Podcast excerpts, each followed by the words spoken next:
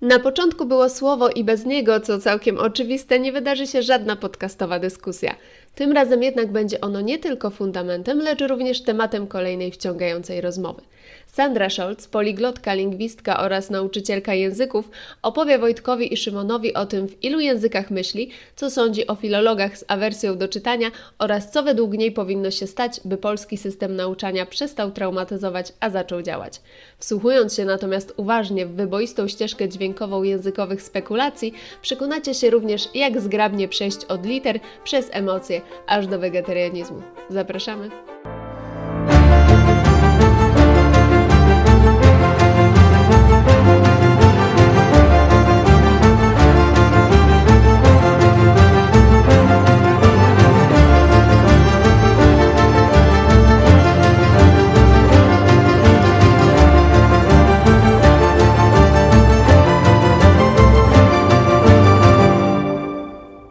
Jak tam, wszystko w porządku, Sandra? Nie jesteś senna? Mhm. Masz kawę przygotowaną, Red Bulle, y, kokainę? E, nie, a zapowiada się taka długa sesja? Zwykle rozmawiamy jakąś tam godzinę, dwie. O, jejku. Nie wierzę. Serio? No. A nawijacie się ze mnie. Nie. Jak to?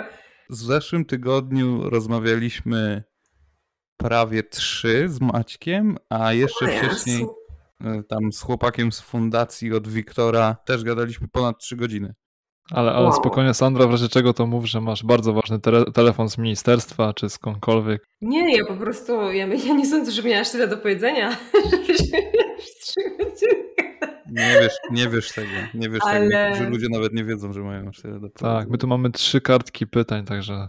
Ale gdzieś mi to mignęło, e, ty mi chyba Wojtek napisałeś, nie? Że to pół godziny. Czy to był nie, żart? Nie, nie, półtora godziny może napisałem, ale pół godziny na pewno nie. Okej. Okay. Słuchaj, jak będziesz chciała skończyć, to powiesz, słuchajcie chłopaki, męczy mnie to pierdolenie i do widzenia. Dobra. Ty tutaj dyktujesz warunki. Dobra, to zobaczymy. Nie wiem, no to dobra, no to jak mamy jakieś tam y, pogadanki ze sobą i y, niepisemną, y, niepisemną akceptację dłuższej rozmowy niż 30 minut, to możemy startować jednym słowem. No możemy wystartować i możemy się oficjalnie przywitać. My nigdy nie przedstawiamy gości, bo robi to nasza baba od intro, że tak powiem. Mhm. Ale witamy się za to oficjalnie, więc nie, to jest zła pora, żeby powiedzieć bonjour madame, prawda? Dlatego, że wieczór? Tak, dlatego, że wieczór. No ale ty nie wiesz, kiedy ktoś słucha. To nie wiem, no to dobra, to niech będzie to bonjour madame. Nikt i tak nie rozumie francuskiego oprócz ciebie w tym towarzystwie. Ale ja nie znam francuskiego. No to w ilu językach potrafisz powiedzieć dzień dobry? Zastanawiałaś się nad tym? Nie. A więcej niż pięć? Więcej niż dziesięć? Więcej niż dziesięć? Nie wiem. Możesz po koreańsku powiedzieć. Po koreańsku? O, proszę, to jest trochę inaczej niż, niż większość ludzi. Ja y, y, no, może nie powinienem się tym chwalić, ale kiedyś miałem taką fazę, żeby e, pytać się ludzi, jak się mówi idź się wysrać w ich języku i no i też mam małą, małą listę. A to tak, tak zbierasz takie, takie doświadczenie językowe? No właśnie. Nie wiem, no w ogóle tak jakoś wyszło. Byłem młody, miałem 15 lat i po prostu wiesz, jedni zbierają znaczki, a inni Wulgaryzmu. Żeby ktoś poszedł do toalety, nie? Ale najbardziej lubię, e, najbardziej lubię po, po rumuńsku, bo brzmi tak troszkę azjatycko właśnie. Dude shikakete.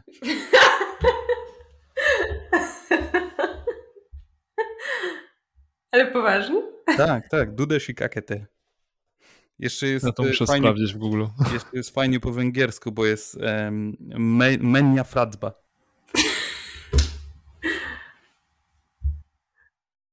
No bardzo. No. Bardzo, to ze mną powinna być ta rozmowa. Przecież. No także pochwaliłem się. Nie było czym za bardzo, ale pochwaliłem się. Niech będzie, już tak zostanie. A to jak jest po, po koreańsku dzień dobry w końcu? Annyeonghaseyo. A nie oglądałeś Squid Game? No oglądałem, oglądałem. Ale żebym jakoś się bardzo przysłuchiwał. Poza tym tam ponoć mówią e, z różnymi tymi dialektami. A, okej, okay, to nie wiem. Ja tylko znam no. dzień dobry. Także ja bym nie, nie, nie rozróżniam za bardzo. Jakie macie opinie na ten temat tego słynnego serialu obecnie? No, mnie się nie podobał, bo był. Nie tak... podobał ci się? No, Okay. mnie się tak cały czas. Ja się koncentrowałam bardziej na tym, że był tak tandetnie zrobiony. Ale, Aha. Ale później y, dowiedziałam się, że no taka jest, y, taki jest zwyczaj w Korei, taka jest charakterystyka tych produkcji. Mhm. No ale też poczytałam później o symbolice tego serialu. No i faktycznie to się wszystko zgadzało, ale oglądając go nie zwróciłam na to uwagi tak bardzo, bo właśnie to jak źle był zrobiony odciągało moją uwagę od tego, nie? Mm.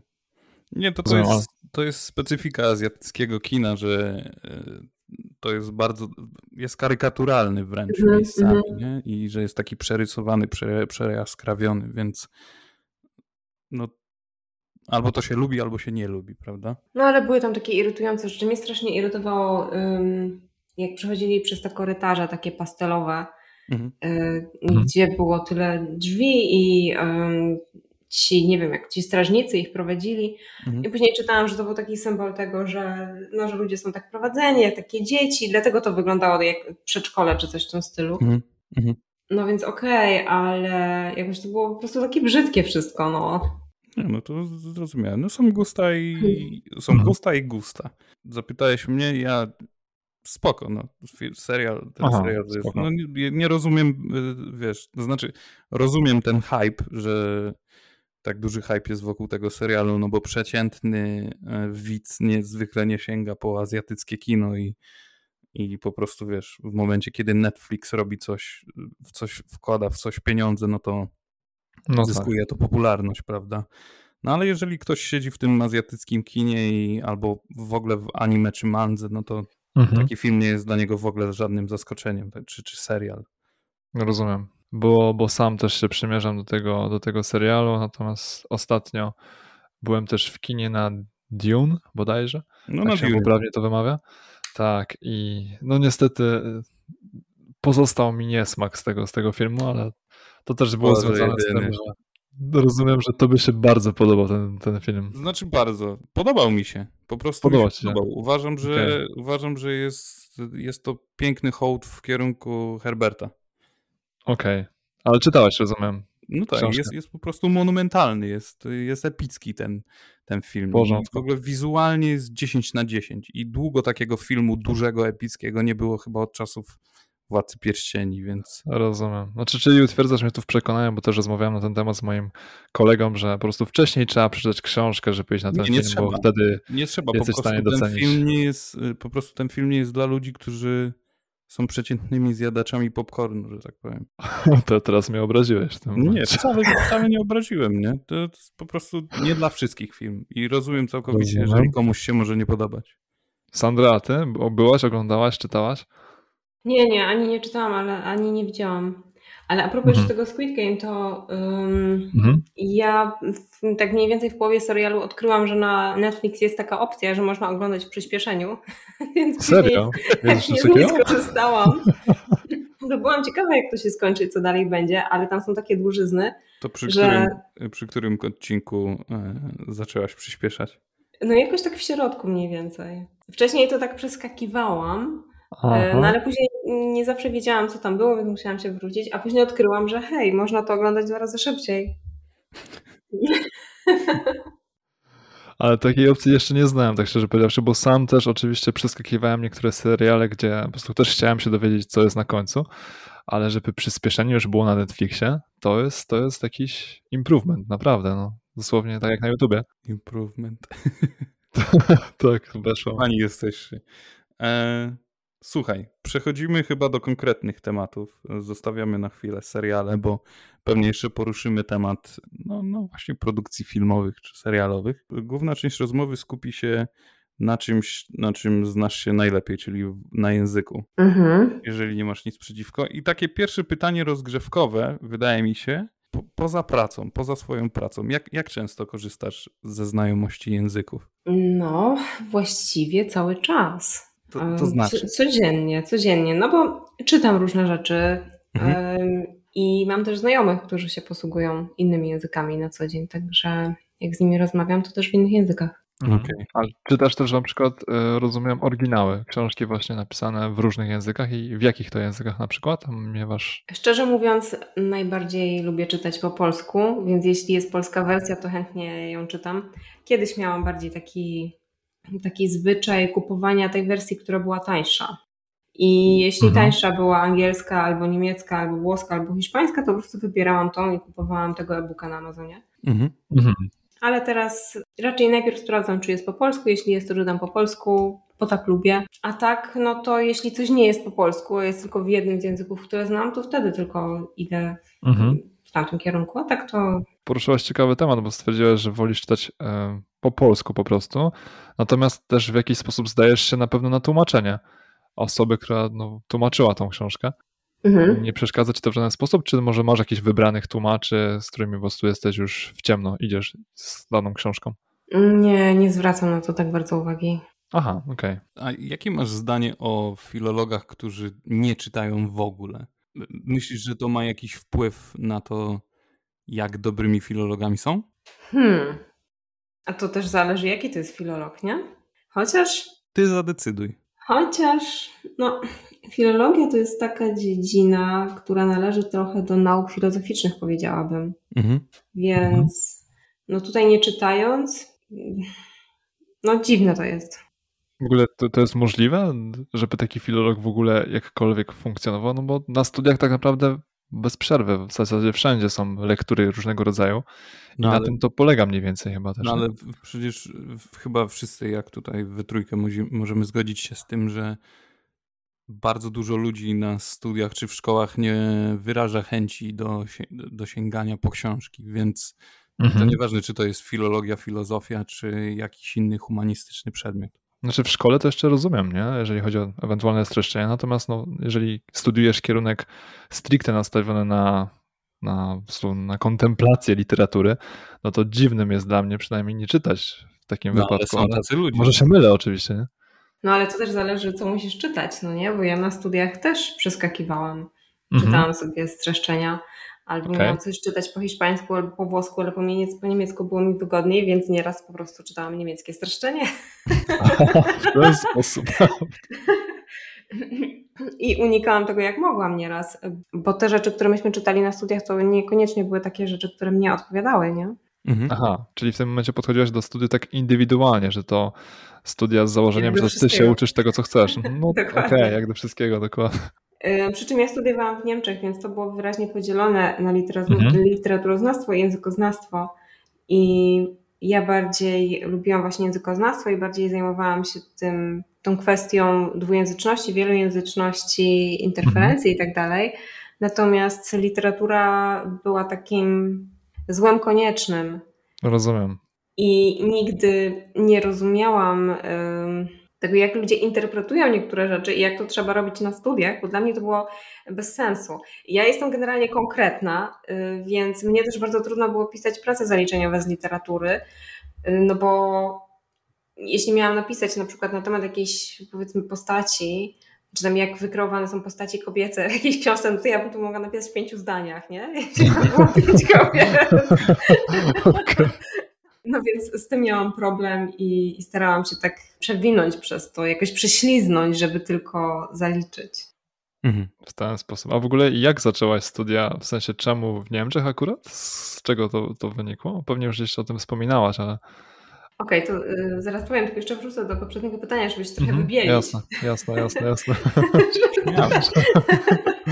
że to też e, zależało od tego, jakie to były książki, tak? No bo na przykład na -hmm. egzaminie magisterskim już miałam już miałam tematy takie, które mi bardziej odpowiadały, bo sama sobie je wybrałam i miałam na przykład e, reportaże Terceniego, no to wiadomo, że ja te wszystkie książki jego przeczytałam. No, więc ale ale streszczenia, czy po niemiecku, czy, czy... Po polsku, ale całe.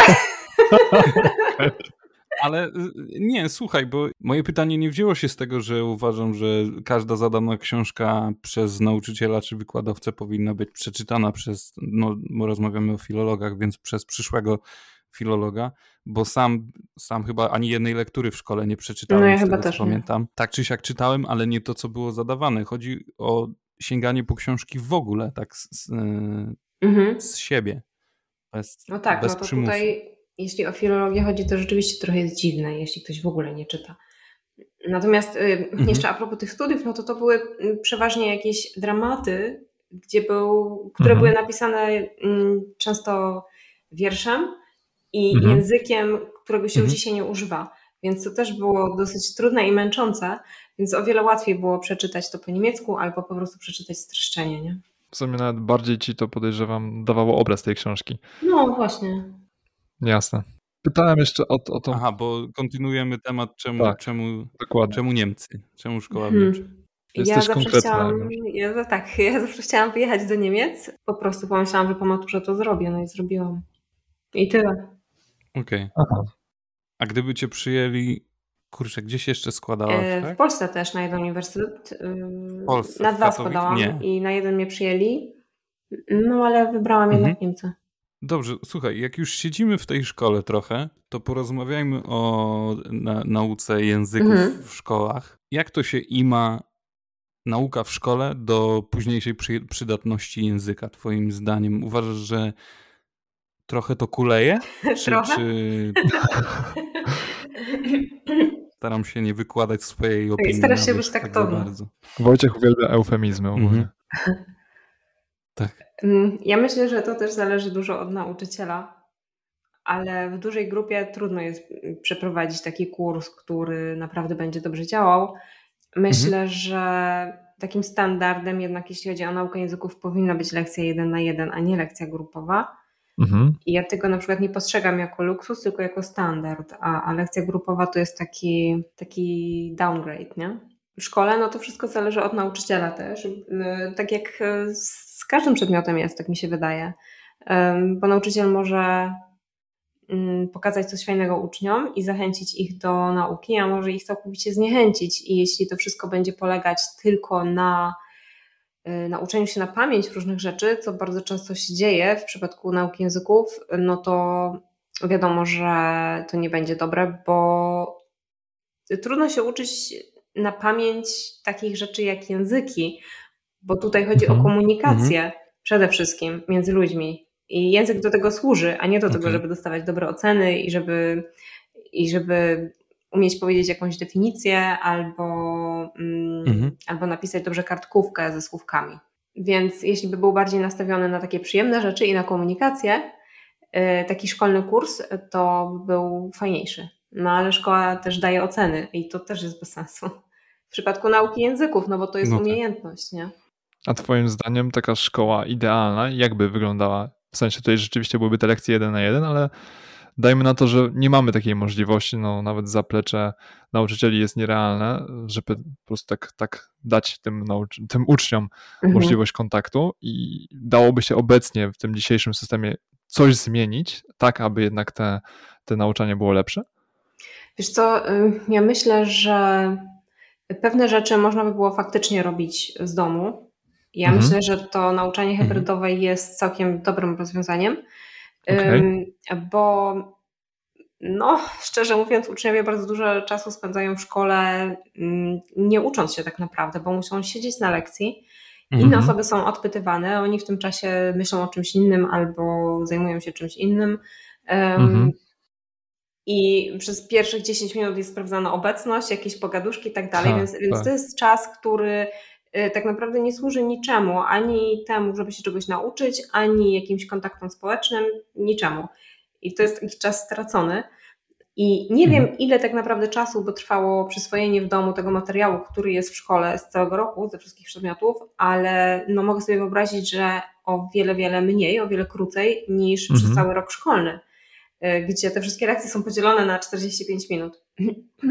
Więc mhm. moim zdaniem to by można było zmienić, żeby pewne rzeczy um, uczniowie mogli sobie zrobić w domu, e, czy przeczytać, czy przesłuchać, obejrzeć jakieś wideo. Natomiast mogliby chodzić do szkoły wtedy, kiedy robiliby tam coś fajnego, na przykład jakieś eksperymenty, różne takie rzeczy. Plus mhm. oczywiście nauczyciele wtedy by mieli jeszcze dodatkowo czas, y, żeby spędzić osobno z każdym uczniem trochę czasu. Niektóre lekcje by tego wymagały, na przykład chociażby język obcy. A ja zapytam tak trochę brutalnie, nie uważasz, że na niektórych uczniów jednak szkoda czasu mimo wszystko, bo nie są predestynowani do tego, żeby nauczyć się języka, bo przez, nie wiem, 12 lat y, po podstawówki i liceum czy technikum wbija się takiemu dzieciakowi same podstawy, a on i tak na koniec nie wie nic i to gdzieś się rozmywa po, po roku, po rozstaniu się ze szkołą. Mm. Że można by było się skupić na tych uczniach, którzy faktycznie coś mogą skorzystać z, tych, z tej nauki języka. To znaczy, ja myślę, że każdy może się nauczyć języka, jeśli nauczył się języka polskiego. Problem pojawia się wtedy, mhm. kiedy ktoś naprawdę źle zna język polski. No, no. Okay. wtedy naprawdę może mieć problem. Szczególnie jeśli chodzi o dorosłych, no to mm, łatwiej im się jest nauczyć języka y, obcego, kiedy znają mhm. strukturę w języku polskim, struktury w języku polskim i mogą to mhm. sobie przenieść na język obcy. U dzieci to też by było możliwe, bo dzieci w podstawówce już też się uczą o częściach mowy i częściach zdania, ale wydaje mi się, że robią tak, to tak bardziej nieświadomie, przynajmniej mhm. z tego, co ja pamiętam, kiedy chodziłam do szkoły, no to ja to robiłam, bo musiałam, ale uczyłam się tego na pamięć, to to jest część zdania, to to jest część mowy, nie rozróżniałam tego. Ta świadomość tego dopiero przyszła później. Nie mhm. wiem, jak to u Was było. Też to dla Was takie było y, niezrozumiałe? Miałem podobnie, tak szczerze powiedziawszy. Jeżeli chodzi właśnie o części zdania, dopiero no bardzo późno po prostu zacząłem zwracać na to jakkolwiek uwagę. Wcześniej to była chyba pamięciówka rzeczywiście, jak sobie przypomnę czasy gimnazjum na przykład. Nie wiem, jak u Wyciecha to było. Nie wiem, nie potrafię powiedzieć, bo ja na przykład do dzisiaj nie znam przypadku. Okay. Ale potrafię na te pytanie odpowiedzieć. Potrafisz odmienić, no to jest najważniejsze. Wydaje mi się, że mój angielski też nie kuleje z tego powodu, że na przykład nie znam podstaw, nie pamiętam e, podstaw gramatyki. Present simple, present continuous i tak dalej, i tak dalej. Na przykład ku, kułem to podczas mojej kariery szkolnej, tak, to było mi wpajane i w momencie, kiedy wyjechałem do Anglii, tak naprawdę musiałem z, na, od nowa całkowicie nauczyć się angielskiego i jak się zapytasz przeciętnego Anglika o present simple, to on nawet no, nie wie, co to jest. Więc, więc okazało się, że jako osoba, która korzysta z języka, a nie zajmuje się językiem, tak naprawdę ja tych wszystkich rzeczy, których mnie nauczono w szkole, nie potrzebuję. No nie. Ale tutaj, mm. tutaj kwestia jest taka, że ty podejrzewam, no uczyłeś się tego angielskiego od samego początku w szkole, a później rzeczywiście mając możliwość zgłębienia się. Nie, mnie szkoła nie nauczyła. Dopiero, nie dopiero nauczyła. właśnie zanurzenie się. Ja się nauczy, nie, ja się nauczyłem, ja się nauczyłem z okay. kreskówek. Jak byłem mały, to mieliśmy Cartoon Network. Okej, okay, czyli to było jeszcze taki bardzo wczesny etap. Czyli ten taki właściwie etap, gdzie mhm. nie znasz właśnie żadnych części, części zdania na przykład i po prostu kwestia zanurzenia się w danym języku sprawia, że, że sam jakby w jakiś sposób dedykuj, no tak. dedukujesz po prostu, jak ma być tworzone dane zdanie. Taka najbardziej podstawowa, znaczy podstawowa w sensie, no tak jak się uczą po prostu rzeczywiście dzieci, nie? Jakiegokolwiek języka, nie? Mhm. No i wtedy nie trzeba sobie właśnie zdawać sprawy z tego, jakie to są części zdania, części mowy i tak mhm. dalej, nie? No to już nie jest potrzebne, ale jeśli chce się nauczyć jakiegoś nowego, mm, a już jest się starszym, no to wtedy to zaczyna mhm. być potrzebne. Mhm. Okej, okay. a, a co w przypadku, kiedy na przykład już jesteś, nie wiem, czy jesteś, czy, czy dopiero będziesz, a, czy w ogóle nie określając tego stanu, e, tego poziomu, w momencie, kiedy potrafisz korzystać z języka obcego, albo masz taki zasób słów, albo znasz jakieś słowa, ale nie, i rozumiesz je, ale nie znasz odpowiedników polskich. Czy to jest czy to jest problem, czy to jest jednak um, coś pozytywnego, Twoim zdaniem? Ale wtedy, kiedy mówię po polsku? Nie, wtedy, kiedy, o, y, kiedy Aha, czyli, czyli w ogóle posługujesz się językiem. Okej, okay, rozumiem. Mhm. Na przykład znasz jakieś słowa tak, po tak, niemiecku, tak, tak. Mhm. rozumienie ich znasz, ale nie znasz odpowiedników Ja długo tak polskich. miałam, y, przez to, że studiowałam w Niemczech i mhm. pracowałam. Ja mieszkałam w Niemczech kilkanaście lat, więc, mhm. więc wszystko to, czego się uczyłam na studiach, to znałam tylko po niemiecku, y, czy tam trochę po angielsku, trochę po włosku, mhm. ewentualnie po hiszpańsku, a po polsku nigdy nie miałam z tym do czynienia, więc nie byłam w stanie nawet mówić o moich studiach po polsku, bo po prostu nie znałam tych pojęć. Mhm. I tak okay. samo później było w pracy. Mm, na przykład ja pracowałam, y, zarządzałam flotą i bardzo często do mnie dzwonili ludzie, którzy mhm. sobie konfigurowali samochody, a wcześniej E, wcześniej pracowałam w agencji prasowej, gdzie kodowałam artykuły na temat banków, finansów i tak dalej. I ja poznawałam te mhm. wszystkie mm, te wszystkie wyrazy, tą, tę całą terminologię właśnie w języku niemieckim, ewentualnie w innych językach, z którymi musiałam też mieć do czynienia, ale w języku polskim nie. I, kiedy bym, mhm. I kiedyś próbowałam, nawet jeszcze na samym początku, kiedy zaczęłam prowadzić kanał na YouTube, to próbowałam coś nagrać po polsku na temat właśnie języków, e, coś co znałam ze studiów i bardzo, bardzo opornie mi to szło. E, I wtedy tak zobaczyłam właśnie, że totalnie brakuje mi słów. Czy to uważasz, że to jest nie, problem? Nie, w sensie... Nie, myślę, że nie. w jednym języku jesteśmy kompetentni na tym y, polu, a w innym na jakimś innym i to jest okej. Okay. Mhm. Nie uważacie tak? Okej. Okay.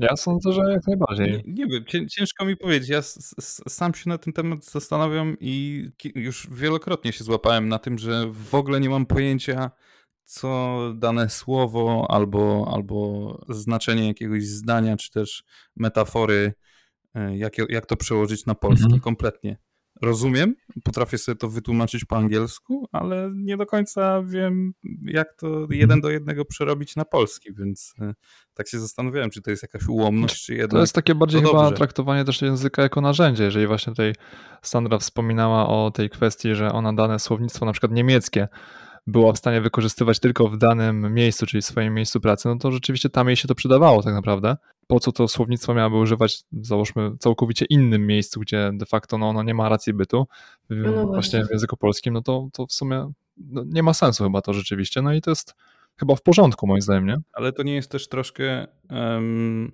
w pewnym sensie pozytywne, no bo jednak na tyle pojmujesz język e, obcy, że potrafisz że go po prostu rozumiesz, że, że na części pierwsze go rozkładasz, że niekoniecznie twój poziom znajomości jakiegoś języka obcego y, musi szukać odzwierciedlenia w tym, jak, jak bardzo go potrafisz przełożyć na, na, na swój ojczysty język.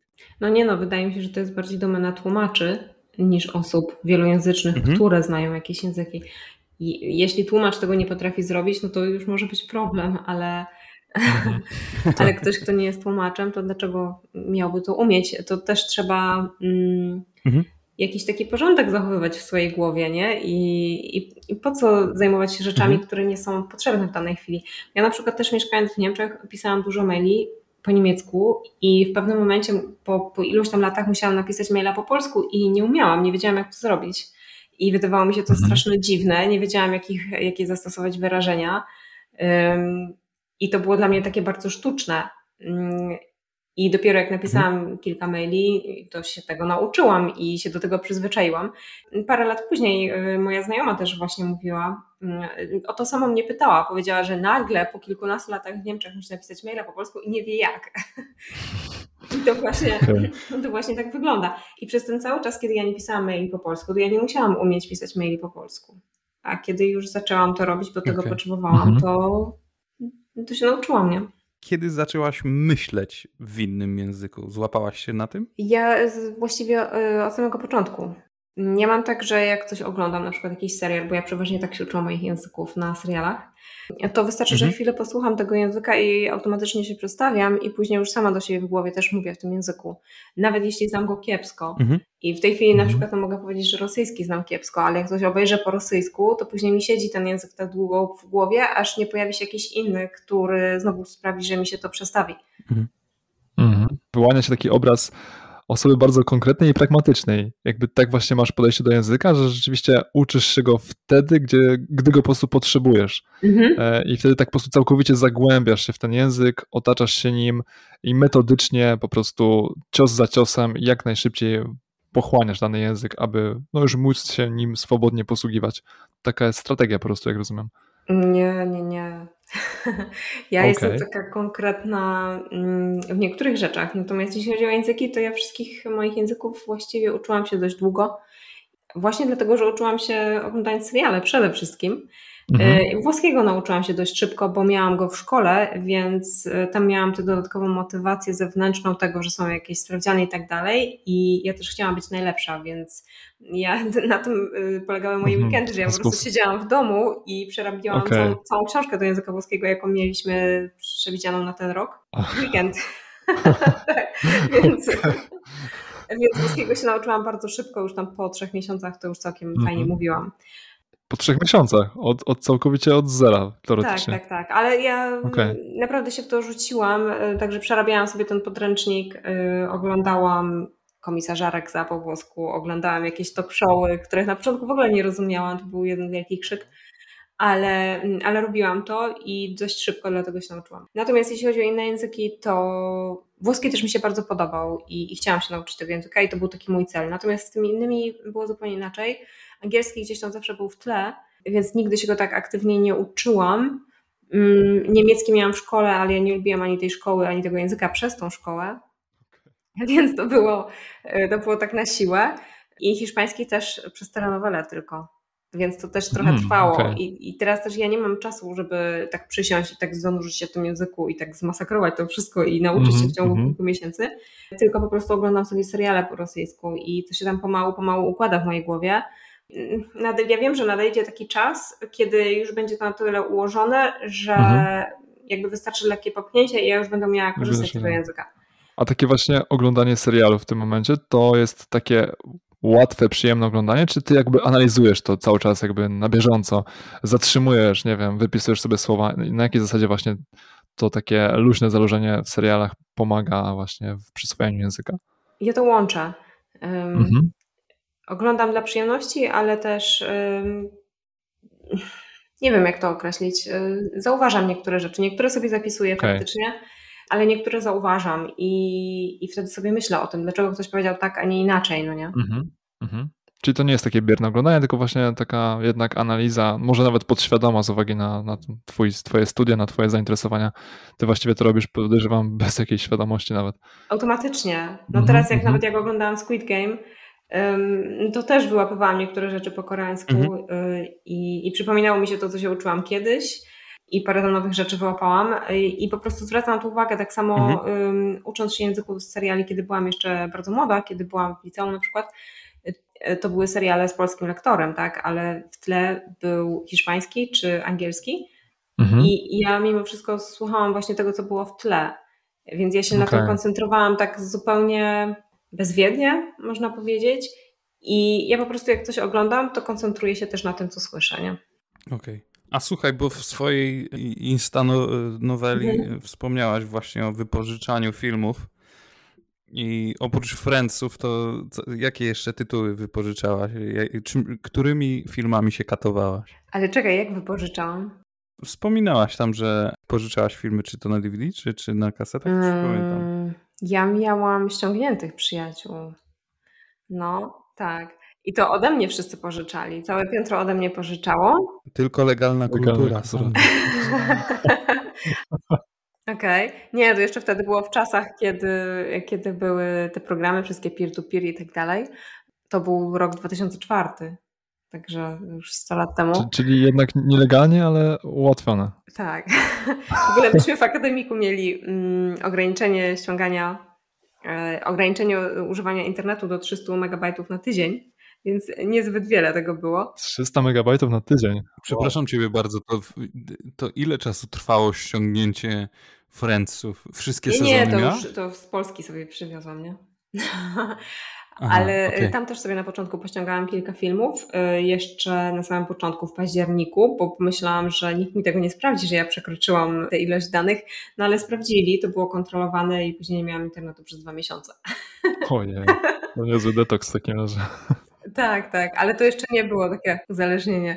To jeszcze i tak początki internetu, więc y, nie byłaś pewnie aż tak No, zaangażowana w, życie cybernetyczne. Dokładnie, musiałam tylko czasami iść y, do, do współlokatorów, sprawdzić maila albo coś w tym stylu, nie? A tak to jeszcze bardziej tak analogowo wyglądało to życie. Y, Co ja chciałam powiedzieć? Aha, że ja nie wypożyczałam, tylko kupowałam.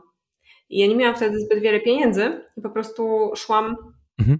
Do sklepu, kupowałam DVD i patrzyłam na okładkach, w jakich wersjach językowych były dostępne. Mnie zawsze zależało na tym, Mhm. żeby tych języków było jak najwięcej, Yy, no ale przede wszystkim te, których się uczyłam, czyli angielski, hiszpański, włoski. Okej. To chcesz mi powiedzieć, że oglądałaś te same filmy w, z, z dubbingiem w różnych językach? Tak, tak robiłam. Serio. O Jezus Serio. Nigdy, nie, nigdy nie, nie miałem styczności z, z innym dubbingiem oprócz tego ojczystego, no i oczywiście też w, krew, w kreskówkach, ale włoski dubbing to jest Mm. Z czego? Z czego taka, ten, taka ocena? Nie wiem, no jak byłem we Włoszech i oglądałem, wiesz, jakieś tam klasyki Aha. filmów, nie wiem, typu Szeregowiec Ryan i po włosku gadają, wiesz, to tak jak, nie wiem, czy się spotkałaś z tym, Sandra, tak jak inne nacje się z nas śmieją, że my mamy jednego chłopa, który podkłada głos pod wszystkich bohaterów w filmie, tak ja nie do końca rozumiem dubbingowanie filmów. Moim zdaniem też każdy dubbing y, strasznie się słucha. Niemiecki tak samo. E, Ale zresztą w Niemczech jest tak, że do każdego aktora jest przypisany y, konkretny głos. Więc jak na Okej. przykład robią jakąś reklamę w telewizji, y, to biorą właśnie tę osobę, która podkłada głos pod tego aktora, Mhm. powiedzmy, że to jest Brad Pitt, no nie? I jak ludzie słyszą już ten głos, to wiedzą, o, Brad Pitt to reklamuje, a nie jest Brad Pitt, tylko, tylko ten Niemiec, który podkłada pod niego zawsze głos. To zawsze jest ta sama osoba, na zawsze, no nie? No ale jednak to wiesz, daje, daje ci pracę na, na jakiś tam czas dłuższy. Zastanawiam się, co się stanie, gdy taki aktor umrze na przykład, ewentualnie. Ten, co podkładał ten, ten głos. A, no to wtedy muszą zmienić. Muszą wiadomo. wtedy zmieniać. Mhm. Y, Ja na przykład y, oglądałam dużo filmów z Jamesem Belushi Mhm. i no i przynajmniej dwóch filmów to tak całą ścieżkę znam na pamięć, nie? Jedną na pewno po angielsku, a, a drugiego po hiszpańsku. A co to za filmy? Ta, którą znam po hiszpańsku, y, to była taka seria z psem policyjnym i to był ten środkowy film, y, to była druga część. A ten, który znam po angielsku, to było Była sobie zbrodnia. I, I ten film, który obejrzałam miliony razy po hiszpańsku, bo ja nie miałam co oglądać, szczególnie jak miałam zablokowany internet, to ja nie miałam co robić. Więc ja po prostu oglądałam codziennie te filmy, które miałam, a że więcej nie mogłam kupić, bo nie miałam pieniędzy, to oglądałam te, które już miałam Mhm. naprawdę znając ten film na pamięć, wiele razy napisałam dobrze mm, sprawdziany na studiach, czy tam kolokwia, czy jak to się mówi po polsku, Mhm. bo mogłam analogicznie do tego zbudować te zdania, albo niektóre, niektóre rzeczy się pojawiały, niektóre wyrażenia się pojawiały i ja wiedziałam, jak to było, bo dosłownie to było w tym filmie. Ale tutaj tak taka wyja- wyjawia się właściwie pewna reguła, że mniej znaczy więcej faktycznie i e, gdzie rzeczywiście miałaś ograniczony internet i właściwie wałkowałaś te same sceny w kółko i w kółko, to rzeczywiście to ci dawało tą możliwość e, wychwycenia tych wszystkich dialogów, tych Mhm. wszystkich zwrotów i zdań. Czyli co? Czyli jakbyś mu- musiała wybrać ostatni film przed, przed śmiercią, przed odejściem, tfu, tfu, tfu oczywiście, to jeden z tych filmów, które oglądałaś na studiach, rozumiem, tak? nie wiem, nie, chyba nie. Z, z niemieckim dubbingiem. Nie, nie, nie, nie.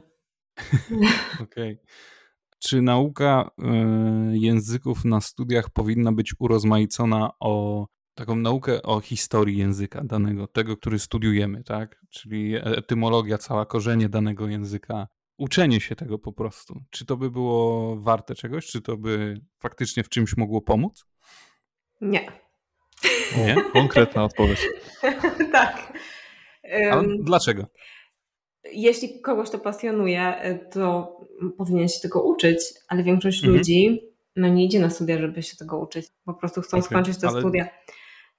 Nie pomogłoby to w rozumieniu jakiegoś języka? Nie uważasz? ym, wiesz co, no, na studiach jest język historyczny.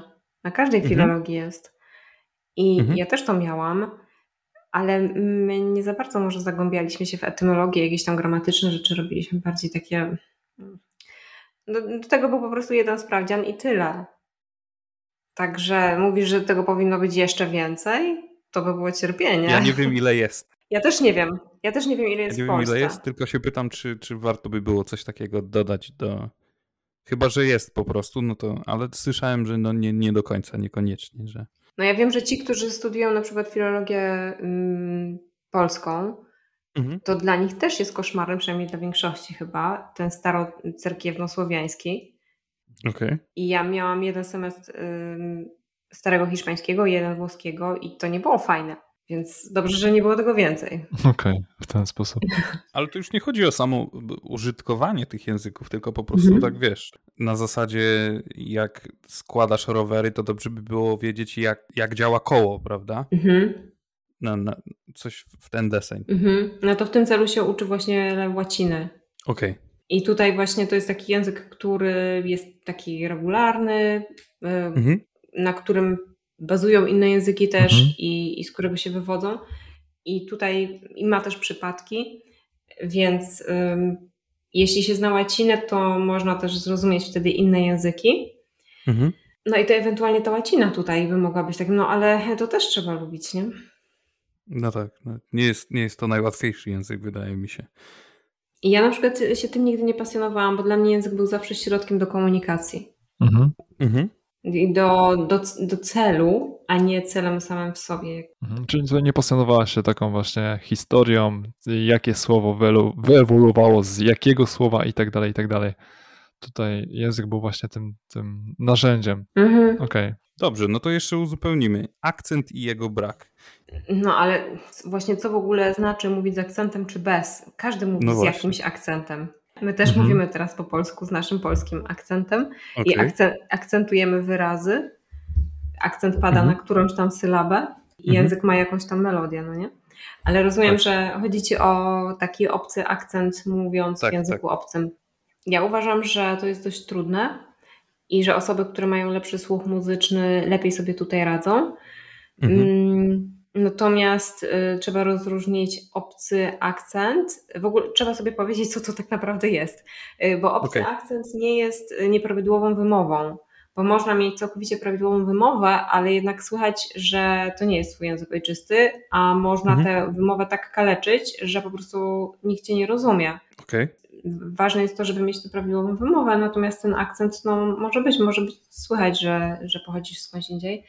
Akcent bierze się z złego wypowiadania samogłosek przede wszystkim, bo mhm. samogłoski są dosyć trudne, one mają różne stopnie otwarcia i zamknięcia i trudno jest nam wycelować w tę konkretną, która jest dla nas nowa bo my jesteśmy, nawet jeśli chodzi o spółgłoski, to one pojawiają się też różne nowe i my jesteśmy się w stanie ich nauczyć. Albo na przykład K, no to jest K, tak? A P to jest P. Natomiast y, samogłoski się zmieniają i my jesteśmy nauczonego, na, nauczeni konkretnego A i konkretnego mhm. E, a w języku mhm. niemieckim już to brzmi inaczej. I okay. my, my, teraz musimy sobie to jakoś y, tak zmodyfikować to, co już umiemy, i to jest trudne. Dlatego nie do końca nam się to udaje, nie do końca umiemy uderzyć w tę nutę i zawsze, można powiedzieć, że tak trochę fałszujemy na tych samogłoskach. I stąd się bierze ten obcy akcent. Ale to nie znaczy, że mówimy coś niepoprawnie. Na przykład w języku niemieckim bardzo często nie czytamy w ogóle R. Mhm. I w takich wyrazach, kiedy my to R wypowiemy, to, no to to jest błędna wymowa. Tam, gdzie tego R nie powinno być, no nie? I ludzie się często zastanawiają, jak to R powiedzieć, bo to R jest takie problematyczne, a tam bardzo często go w ogóle nie ma. I jeśli my wymawiamy R, no to robimy po prostu błąd. Okej. Okay. I to jest, to jest do nauczenia się. To tutaj trzeba tylko mieć do tego jakąś odwagę, mm -hmm. mogłabym to tak nazwać, bo ludzie bardzo często no mogę powiedzieć chyba, że się wstydzą mówić poprawnie w języku obcym, bo mi się wydaje, że to będzie takie pretensjonalne. Okej. Okay. Ja chciałem się ciebie zapytać, czy myślałaś kiedykolwiek o tym, albo chciałabyś, albo nie, nie wiem, cokolwiek przeszło ci przez myśl, żeby nauczyć się albo po prostu umieć jakiś umierający język? E, tak. Um, o, proszę. Kiedyś myślałam o, chociaż nie wiem, czy to można nazwać umierającym językiem, ale jest mhm. dosyć mało popularny tutaj u nas przynajmniej. To jest język Ibo z mhm. Nigerii. E, to o tym myślałam. Tak, to chyba. A dlaczego to Ibo? Jakoś tak się złożyło, że czytałam nigeryjskich autorów mhm. i tak mi się spodobała ta kultura, więc myślałam, Aha, że okay. fajnie by było się nauczyć tego języka. Oni klikają w Ibo, dobrze mówię? Nie rozumiem. Coś robią to. Nie, nie, nie, nie. To nie, to nie. Bo jeszcze wiem, że kilka jest języków, które tak wiesz, klikają i że to kliknięcie się rozróżnia w ogóle. O, wow. To, to, mnie, to mnie rozbraja. Ja myślałem, że to jest po prostu jeden, nie wiem, jakiś tam element, a okazuje się, że zależnie od tego, jak klikniesz, to jest inna litera. No to jest fascynujące. To, to, to prawda. To jest mhm, w ogóle wprowadzanie tego typu dźwięków do języka jest, jest czymś, no dla nas na pewno jest dziwne. Ale widzisz, czyli możesz mieć nawet obcy akcent klikając. O, o. polskie klikanie. To jest dobre. w ogóle o tym nie pomyślałem jak tobie mówi e, jakiś e, ten mieszkaniec Afryki. O, jesteś Polakiem, słyszałem po klikaniu. Rozpoznałem. Tak bardzo akcentujesz na tym wysokim kliknięciu.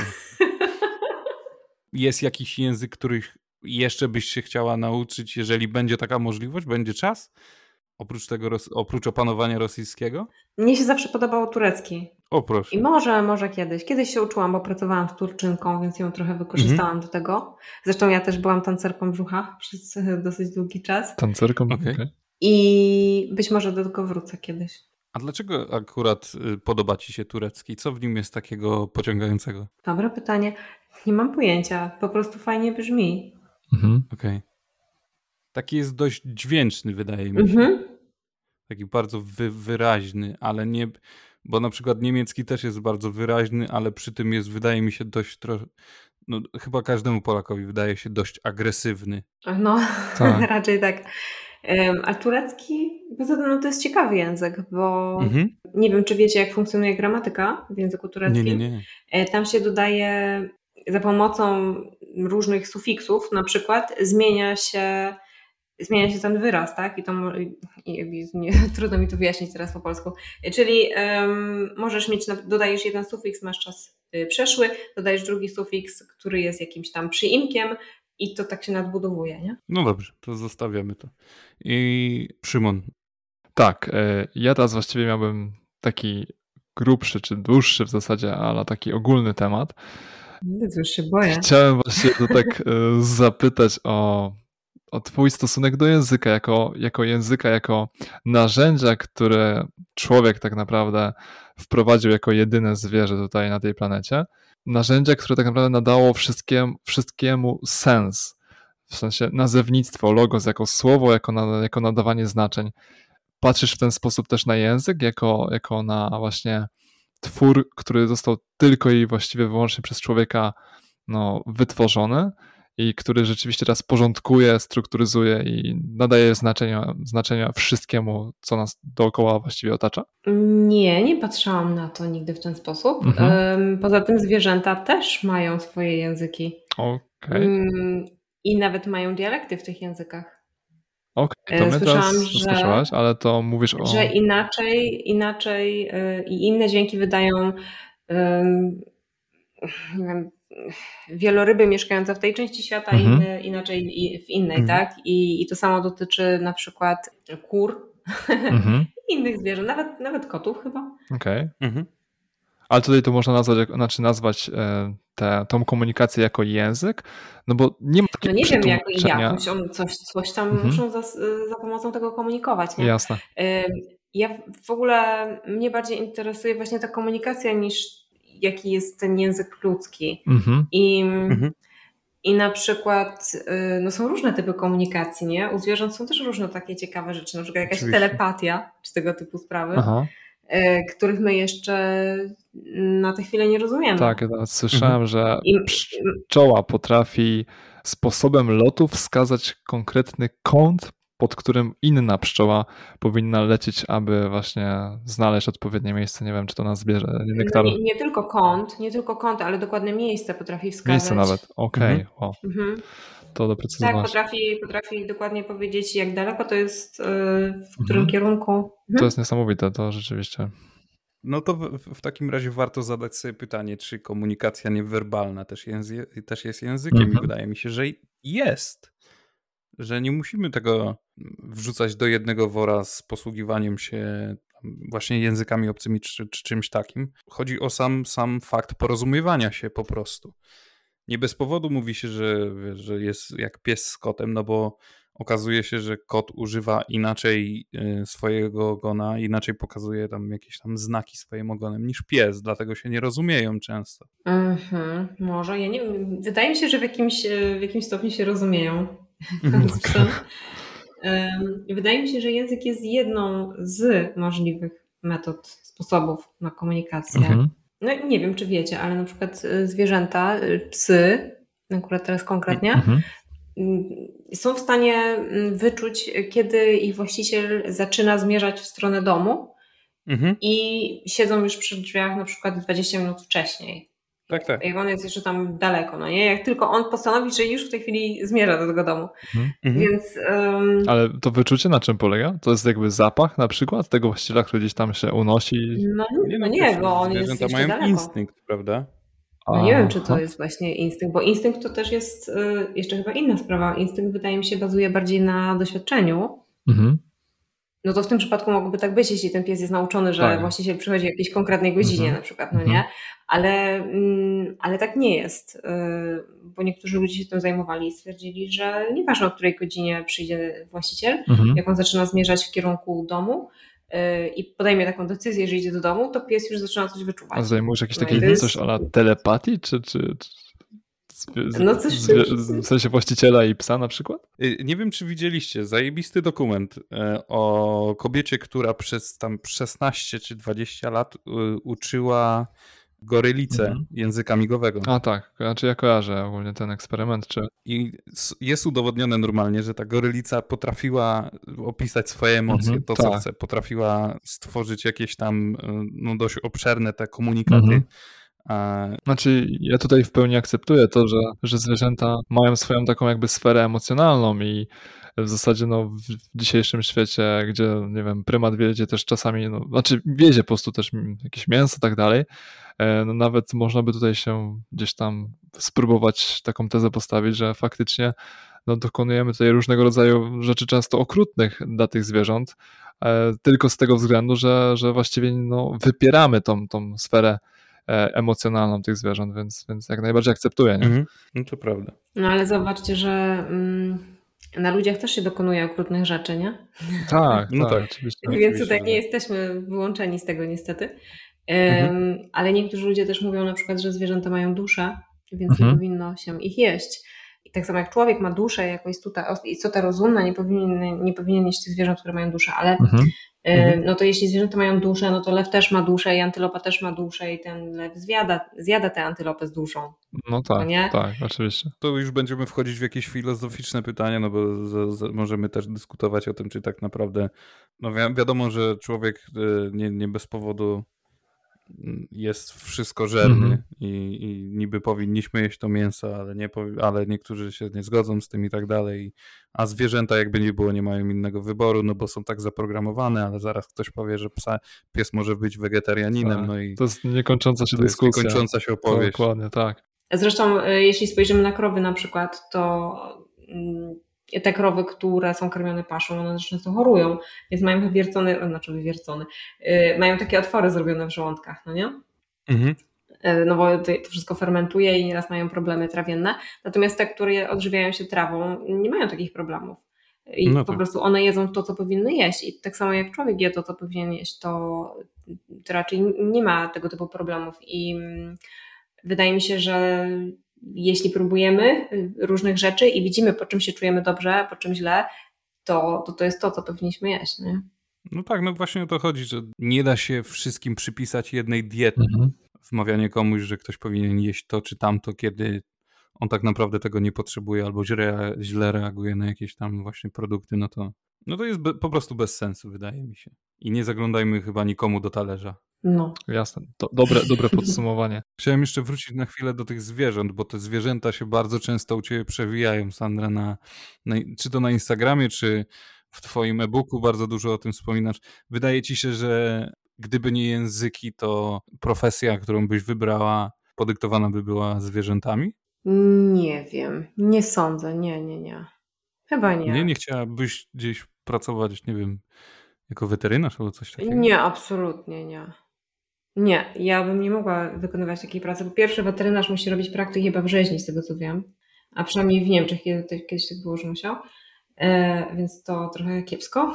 E, no a poza tym ma do czynienia z no, chorymi zwierzętami, co ja bym nie chciała tego widzieć.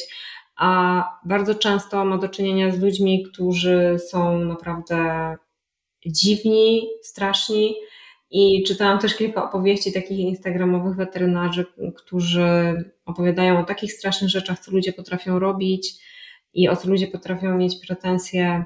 To nie, nie, nie, zdecydowanie nie. No to język których zwierząt chciałabyś poznać, tak, że potrafiłabyś się porozumiewać? Tak? Tutaj wstawka Ale doktor pytanie... do Little. No. Tak jest. Jak Ze ślimakami. Doktor do Little, ale, ale wybieramy tylko jedno zwierzę. Mm, nie wiem, nie wiem, nie wiem. Owce. Ty Wojciech, z kim chciałbyś się umieć porozumieć? Pewnie z psem też, czy... Ja bym nie chciał się z moim psem dogadywać tak na, wiesz, tak, żeby on mnie rozumiał tak w 100% i ja jego, bo za dużo by mi nawciskał, także wolałbym nie.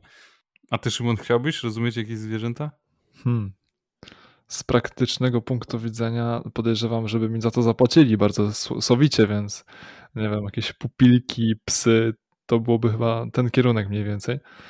Mógłbyś być, y, mógłbyś prowadzić swoją przychodnię tak, wtedy. Tak, dokładnie. I rozumieć jakieś problemy emocjonalne różnych tam psów i tak dalej. To byłoby... Psychologiem być Psychologiem, dla zwierząt. Tak. To teraz no, też jest bardzo Dzisiaj to się nazywa behawioryzm, nie? Czy behawiorysta tak dalej, ale wiem, że są bardzo tak. duże osiągnięcia w tej, w tej dziedzinie, że, że faktycznie da się zrozumieć te uczucia, jakieś emocje tego psa czy kota. Także tutaj może nie do końca warto się z tego też śmiać. Ja byłem u behawiorysty z moim psem i okazało się, że w ogóle nic go nie rozumiem. Tak? Okej. Okay. Musiałem się całkowicie przestawić. Rozumiem, ale to na przykład jakiś przykład tego nie to już nie będziemy wchodzić, już nie będziemy wchodzić okay. w detale. No ale wiesz, takie jakieś tam proste zachowania, że się okazuje, że... Merdał ogonem, a tak naprawdę chciał cię zagryźć, tak? Rozumiem. Nie, nie, nie, nie, na szczęście nie. Okay. Ale nie no, taki prosty przykład, ale to już nie, nie z życia, w sensie, że na przykład jak jest sytuacja stresowa dla psa i w momencie, kiedy ty mu mówisz, żeby, wiesz, żeby przestał i mówisz do niego normalnie, mm -hmm albo go głaszczesz, żeby go uspokoić, to tak naprawdę go chwalisz, że on się stresuje. Aha, nie? w ten sposób. Aha. No ciekawe. To jest takie podstawowe nierozumienie psa, nie? Aha. To co trzeba zrobić w takiej sytuacji? No to wiesz, odwrócić jego uwagę i tak dalej. To, ja, okay. komfort, komfort psychiczny dla psa polega na czym innym e, niż, niż dla nas po prostu. To jest, często to są takie przeciwno, przeciwności. No ale ja też nie mam jakiejś wielkiej wiedzy, żeby się w tym temacie wypowiedzieć. Mam psa i tyle. Ja teraz w ogóle chciałbym e, jeszcze poruszyć temat e, języka i tak naprawdę różnic, które występują no, też w kulturach, w różnego rodzaju narodach, którzy, które posługują się po prostu różnymi językami. E, I czy ty, Sandra, na to zwracasz uwagę? Na przykład w niemieckim są rodzajniki, które załóżmy określają, nie wiem, czy to most, czy psa, czy cokolwiek, załóżmy, że to jest właśnie rodzaj męski, że żeński, a na przykład w innym języku e, przypisanie do właśnie rodzaju jest zupełnie inne. I zastanawiam się, z czego to wynika tak naprawdę i jakie to ma znaczenie e, właśnie w postrzeganiu trochę tak rzeczywistości przez różne właśnie, czy to narody, czy to, czy to kultury. Wow, ale pytanie. Ja się nigdy nad tym nie zastanawiałam. Mhm. Um, ale na przykład w języku angielskim nie ma rodzajników Tak, i to też jest w sumie kolejna Znaczy różnica. E, rodzaju, mhm. nie ma Tak, tak, rodzaju, tak, nie? tak. Nie rodzajników, nie ma rodzaju. ale na przykład, mm, no i tak, y, i tak księżyc jest nią, Tak, nie? tak, Księżyc tak, to jest tak, she. dokładnie. Więc to jest ciekawe. E, a na przykład w języku hiszpańskim Mhm. E, może jest y, rodzaju męskiego, ale można też użyć może rodzaju żeńskiego. Aha. Y, i po prostu ma wtedy inne znaczenie, bardziej jako taka, tak, takie matkujące znaczenie wtedy ma. Okej. Okay. okay. A co, co się kryje pod tym matkującym znaczeniem? No tak, wiesz, jakiś marynarz y, okay. może powiedzieć tak, nie, że to jest dla niego tak. A, w ten sposób, rozumiem, dobra. No to, no to słuchaj, to tak zwężając to pytanie, język determinuje to, jak rozumiemy świat. Bo nie wiem, taki przykład, no, bierzmy, nie wiem, jakieś plemię w, w, Afryce ma w swoim słowniku dziewięć kolorów i nieważne jaki ma rodzaj zielonego, to i tak dla, zawsze dla nich będzie zielony, kiedy my, e, nie wiem, w języku polskim mamy tych kolorów 60. No tak, jest coś takiego. No i niektórzy mhm. mają też dużo określeń na, e, na różne formy płatków śniegu. Okay. A my mamy dużo nazw na jabłka na przykład, bo mamy dużo gatunków jabłek. Okej. Okay. No ale co to tak naprawdę, co tak naprawdę zmienia, nie? Mhm. No właśnie, y, jak ty byś miała y, się nad tym zastanowić i głośno, głośno myśleć? Co twoim zdaniem to zmienia? Nie wiem, a ty masz jakiś pomysł?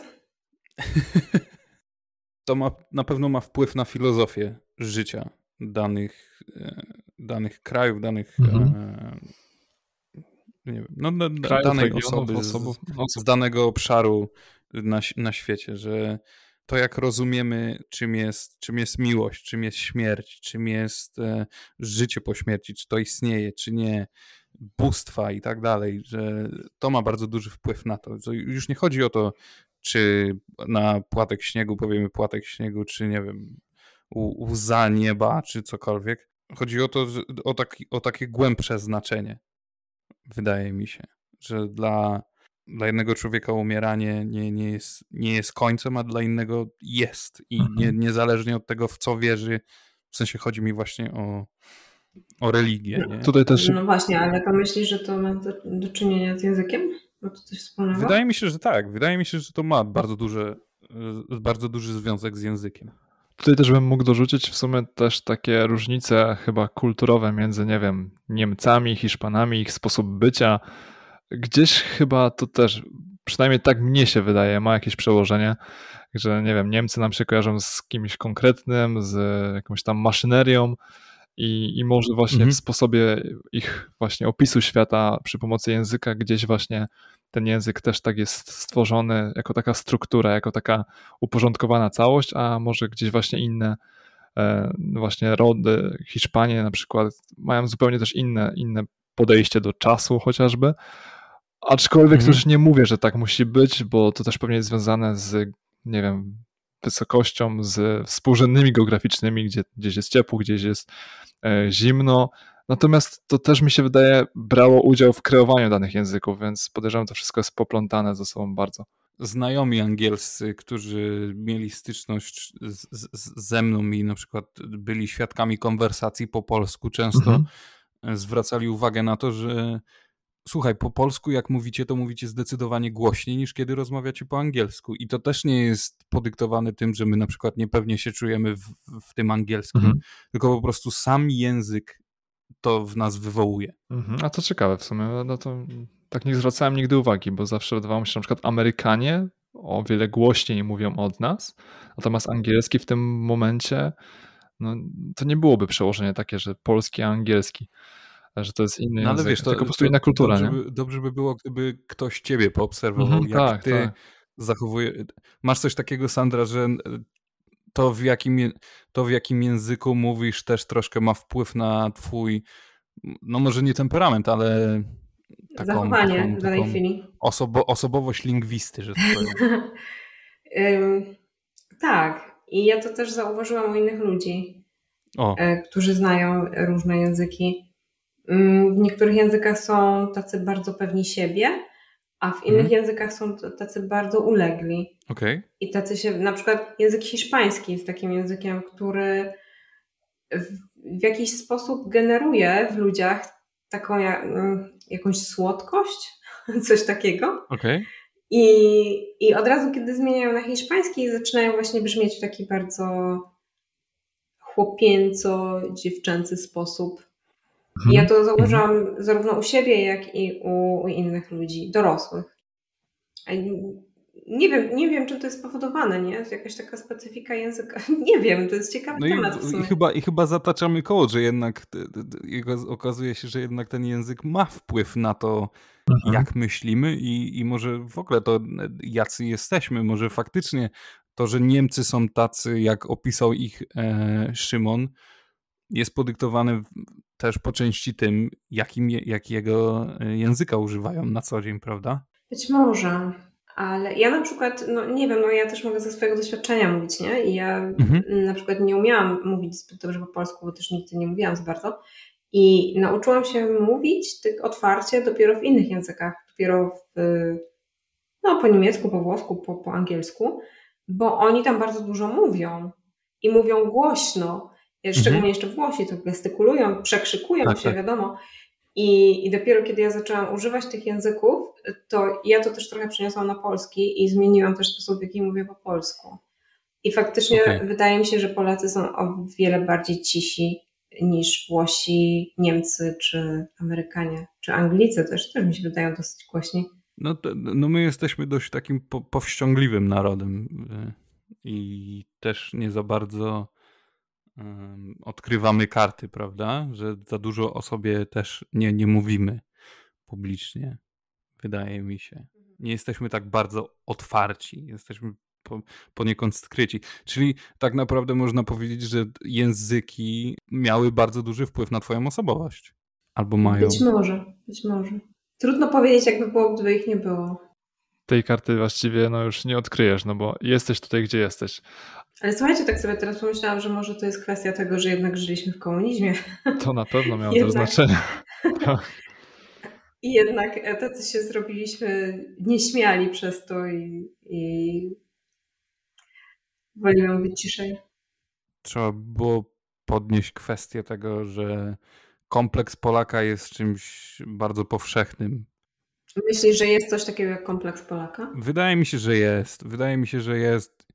I wydaje mi się, że często ludzie nawet nie, nie zwracają na to uwagi, że wiesz, gdzieś to jest zaprogramowane, gdzieś podskórnie, że Polak to jest zawsze gorszy od wszystkich, że my mamy gorzej, że e, my żyliśmy, wiesz, 70 lat czy ileś w, w dupie i, i przez to nic nie mamy i w ogóle wszystkie kary na nas idą i tak dalej, że Mhm, ale nawet jeżeli to nie jest robienie z taka- siebie ofiary.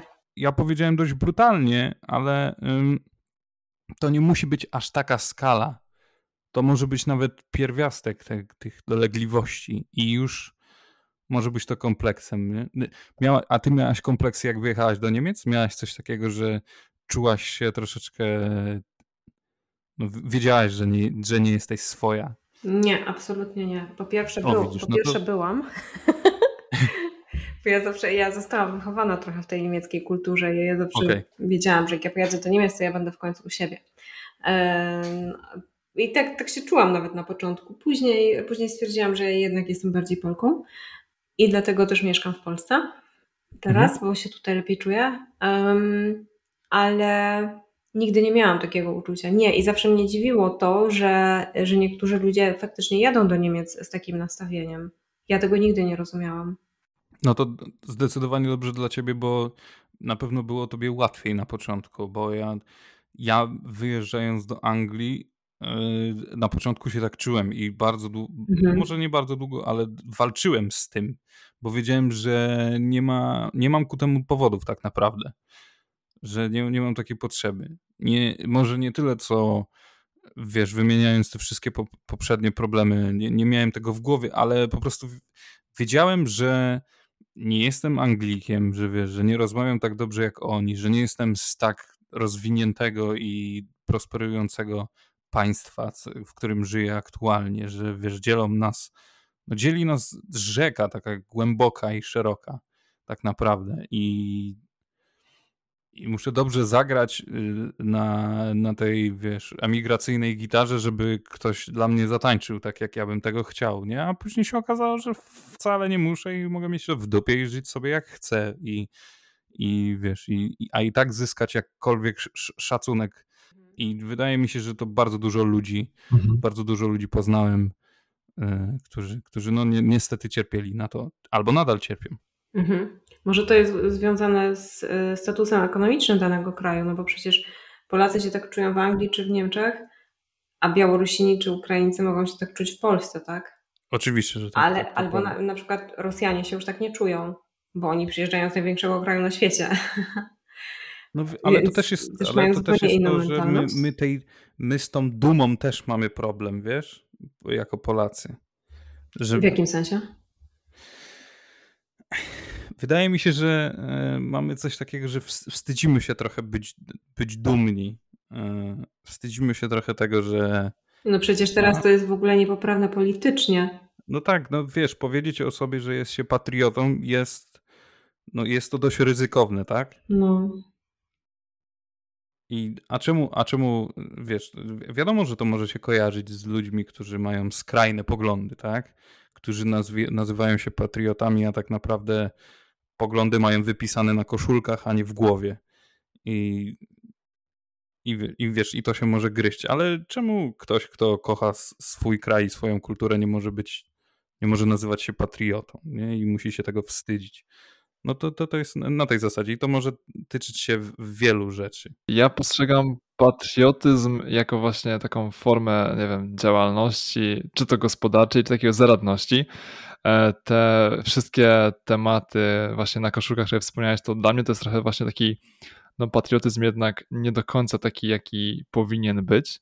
No ale właśnie o to chodzi, że on spowodował, że ludzie, którzy faktycznie są patriotami, ale nie, może nie skupiajmy się w Mhm. ogóle na tym patriotyzmie, wstydzą się tego, Znaczy, że znaczy wiesz, nie wiem, czy, czy, czy gdzieś tam spotkałem jakoś w swoim gronie osoby, które się tam wstydzą, że są Polakami tak po prostu. No raczej wszyscy się Mhm. skupiamy, przynajmniej moi znajomi mniej więcej, na tym, co kto osiąga i no przez to w jakiś sposób wizualizują swój, swój ten patriotyzm i nawet takiej może stricte dyskusji nawet nie ma. Nie wiem, mam znajomego, który, e, który przykładowo jest w sztabie jakiegoś tam jednego polityka, który pomaga w zasadzie mu w sposób no, jakiś, nie wiem, pisząc jakieś tam, czy pomagając mu w pisaniu in, interpolacji różnego rodzaju i, i w mojej ocenie e, to jest bardzo fajna działalność. W mojej ocenie to jest właśnie taka właśnie forma patriotyzmu i no i ten, ten, ten mój kumpel nie wstydzi się tego w żaden sposób, nie wstydzi się tego, że jest Polakiem. Mhm.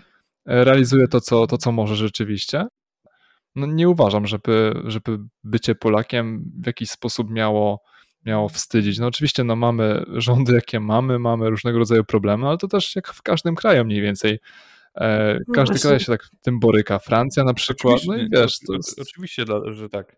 Dlatego ja uważam, że e, ta przypadłość, ta dolegliwość no nie powinna nas dotykać. tak Zdecydowanie nie, naprawdę, zdecydowanie nie. No właściwie wszyscy powinniśmy rzeczywiście się otworzyć e, na to, kim jesteśmy, skąd pochodzimy i w żaden sposób tego nie ukrywać, w żaden sposób się tego nie wstydzić. No po prostu Mhm. e, tym swoim nastawieniem też zmieniać może nawet obraz Polaka, który gdzieś tam rzeczywiście został w świecie w jakiś sposób, w ten sposób, jak ty, ty mówisz, przedstawiony jako takich właśnie cichych, no to, to, to prawda, się. bo nie? jednak, y, bo jednak powiem tobie, że jako osoba, która wiesz, żyje za granicą Mhm. już x lat, spotkałem się z taką no, karykaturalną wręcz em, opinią dotyczącą y, Polaków i to, ja, to jacy jesteśmy. Ale to mówisz od, od, strony, od strony Brytyjczyków, tak? W ten, w ten sposób. Tak, y, słuchajcie, ja miałem na przykład y, i to takie na poważnie pytania, czy my w Polsce mamy pieniądze? Okej.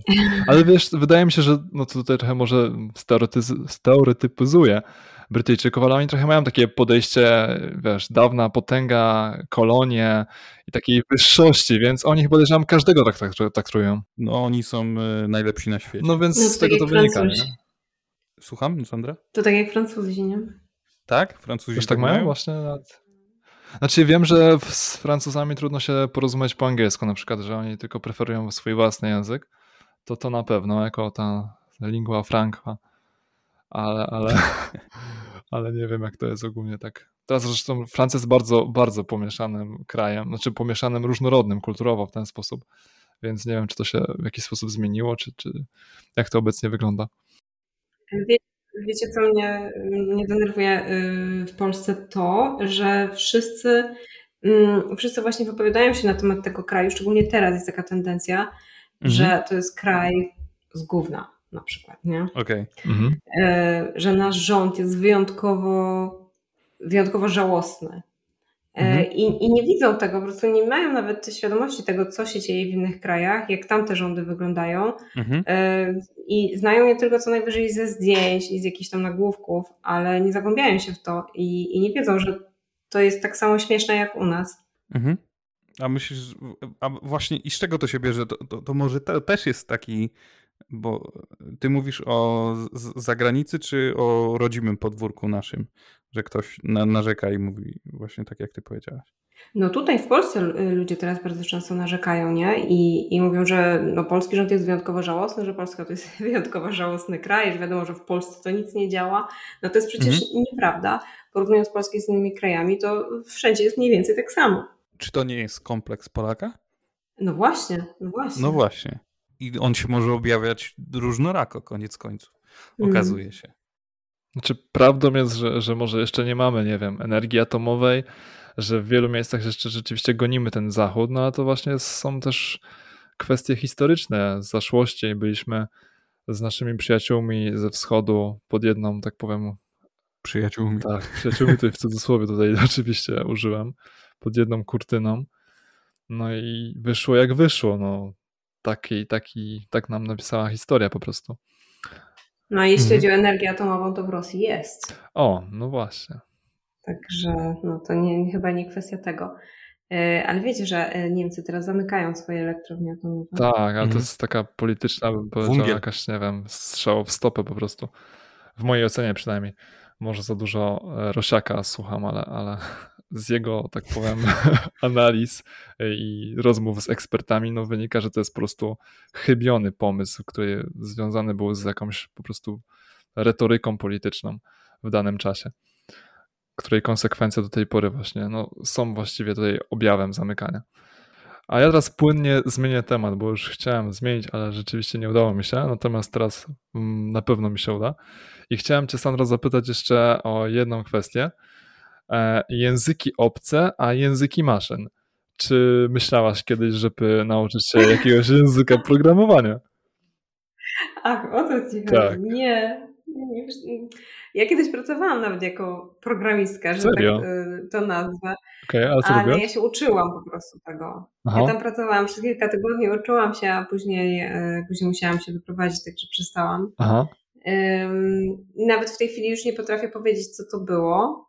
Chyba za- zapomniałam. A to były jakieś strony internetowe? Co, E. co, czy jakaś taka technologia webowa, czy, czy zupełnie coś innego? On robił e, jakiś software dla szkół, przedszkoli i takie rzeczy. Aha, w ten sposób, okej, okej. Do, do ewidencji uczniów czy coś w tym stylu. Em, nie pamiętam naprawdę, co to było, ale nie, tak poza tym to nie, nie, nie interesowało mnie to nigdy. Wydaje mi się to strasznie nudne. A wy to, a wy to robicie? E, Nie, ja nie, się na tym nie znam kompletnie. Nie, jestem za głupi na to. Fajnie by było umieć. Um, szczególnie w tych czasach, kiedy można sobie pracować z domu i Mhm. pracować dla firmy w Szwajcarii na przykład, y, czy w Stanach, y, tak jak na przykład moja uczennica, ona, ale ona akurat jest grafikiem Aha, i też pracuje dla firmy w Stanach, a mieszka sobie y, tutaj, no akurat w Berlinie ona mieszka. I no super, więc zawsze też można dostać pracę, nie? Ale, ale czemu ci się, mi się to wydaje tak wydaje- strasznie nudne. Właśnie, czemu ci się wydaje, że to jest tak, aż tak strasznie nudne? Ym, nudne i jakieś deprymujące y, i wkurzające. I ja po prostu widzę po mojej stronie też, że, że tam w każdej chwili może coś paść. I ja nigdy Okej. nie wiem co. Nie wiem, co tam się stało. Ym, nie wiem dlaczego nagle, bo wszystko działało, dlaczego nagle coś nie działa. Okej. Ym, I strasznie mnie takie rzeczy. A to ym, stworzyłaś sama sobie irytują. stronę, czy... czy... Nie, nie, nie. Y, To mi mój y, znajomy, mój znajomy się tym zajmuje. okej, jasne. I jeśli chodzi o takie proste rzeczy, to ja sobie wszystko sama robię, Mhm. ym, ale właśnie jeśli się coś popsuje, to muszę prosić o pomoc, albo jeśli muszę coś dopasować, jeśli coś, e, nie wiem, robię jakąś stronę i, i wszystko popapram. Także to wygląda strasznie, to, to wtedy on, on mi to poprawia. Rozumiem. No, ale, ale widzę, że po prostu strona działa, działa przez dwa miesiące, a nagle coś się dzieje, przestaje działać, albo przestaje działać jakaś, jakaś wtyczka i nie Mhm. wiadomo dlaczego. Okej. Ym, Jakaś aktualizacja podejrzewam, czy to z serwera, czy... No dobrze, ale zaktualizujesz jedną rzecz i nie działa ci 10 innych. Ale twój znajomy ma pracę chociaż. No tak. ale ja bym takiej pracy nie chciała. Okej. Słuchaj, e, ja mam tutaj pytanie od Wiktora. Już e, chwilę wcześniej chciałem je zadać. Em, Ja je zacytuję. Sama twierdzisz, że w dobie internetu, YouTube i tak dalej, kurs językowy jest wyrzucaniem pieniędzy w błoto. Uj. E, uj. We see. Ja. Natürlich. Oferujesz. E, Oferujesz wskazówki, jak uczyć się e, samemu z książek, słowników i seriali. Czy jest to również adekwatne w kontekście nauki języków tonalnych, czy w takim wypadku można na dłuższą metę obyć się bez pomocy lektora? Ja zawsze mówię, że y, nie wiem do końca, dlatego że ja nie znam tych języków. I Okej. na pewno niektóre rzeczy można zastosować, ale nie wiem, czy w 100%. To już, to już by się musiała powiedzieć osoba, która to st- stosowała do nauki właśnie tych języków. A mogle- możemy wyjaśnić, co to są języki tonalne, bo ja nie mam pojęcia, powiem szczerze.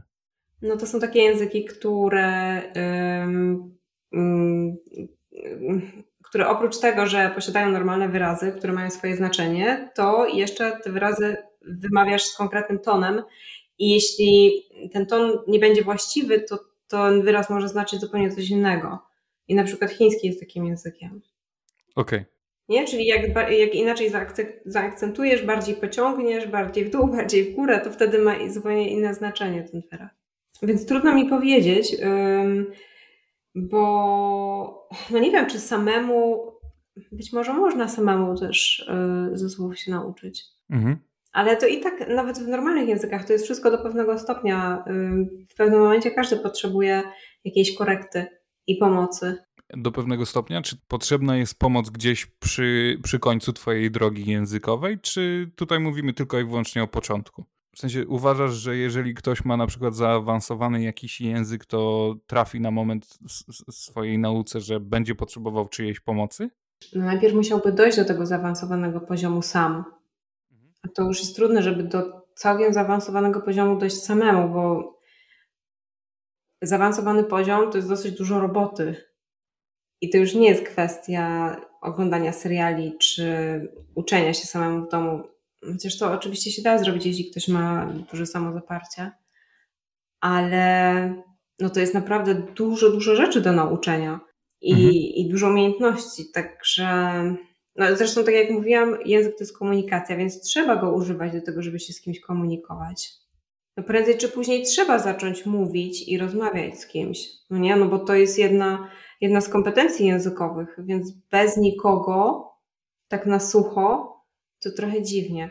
Ale też um, to wszystko zależy od tego, co kto woli i co kto lubi, bo niektóre osoby mogą potrzebować pomocy na samym początku, a inne dadzą sobie radę do pewnego, do pewnego momentu i będą potrzebowały tylko pewnego skorygowania później. Ja na przykład jestem taką osobą tego drugiego typu, ale uczę też takie osoby, które potrzebują pomocy na początku, bo jednak na początku same sobie nie poradzą, nie? I potrzebują tego popchnięcia i, i tych wskazówek.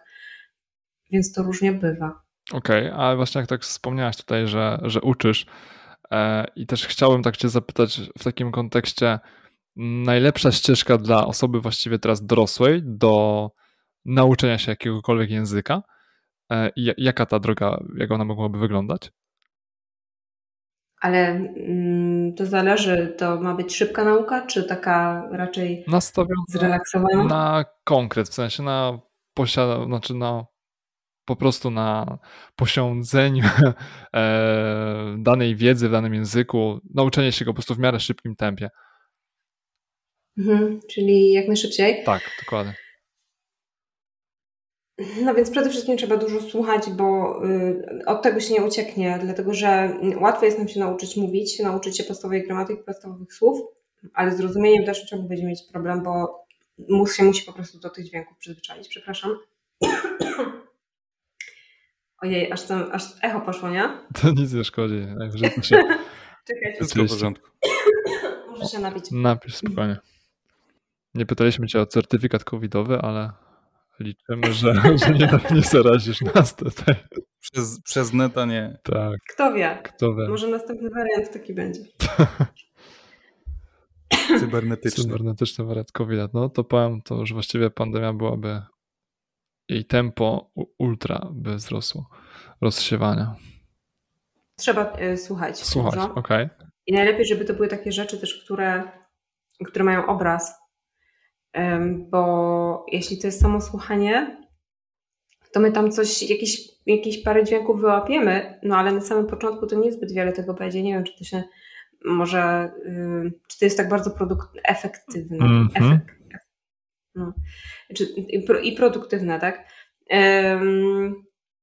ale to, co możemy robić na pewno, to jest y, pisanie, mhm. bo pisząc jakby nadajemy jakąś strukturę swoim myślom mhm. i możemy później też, to jest nasza baza do tego, żeby mówić też w tym języku.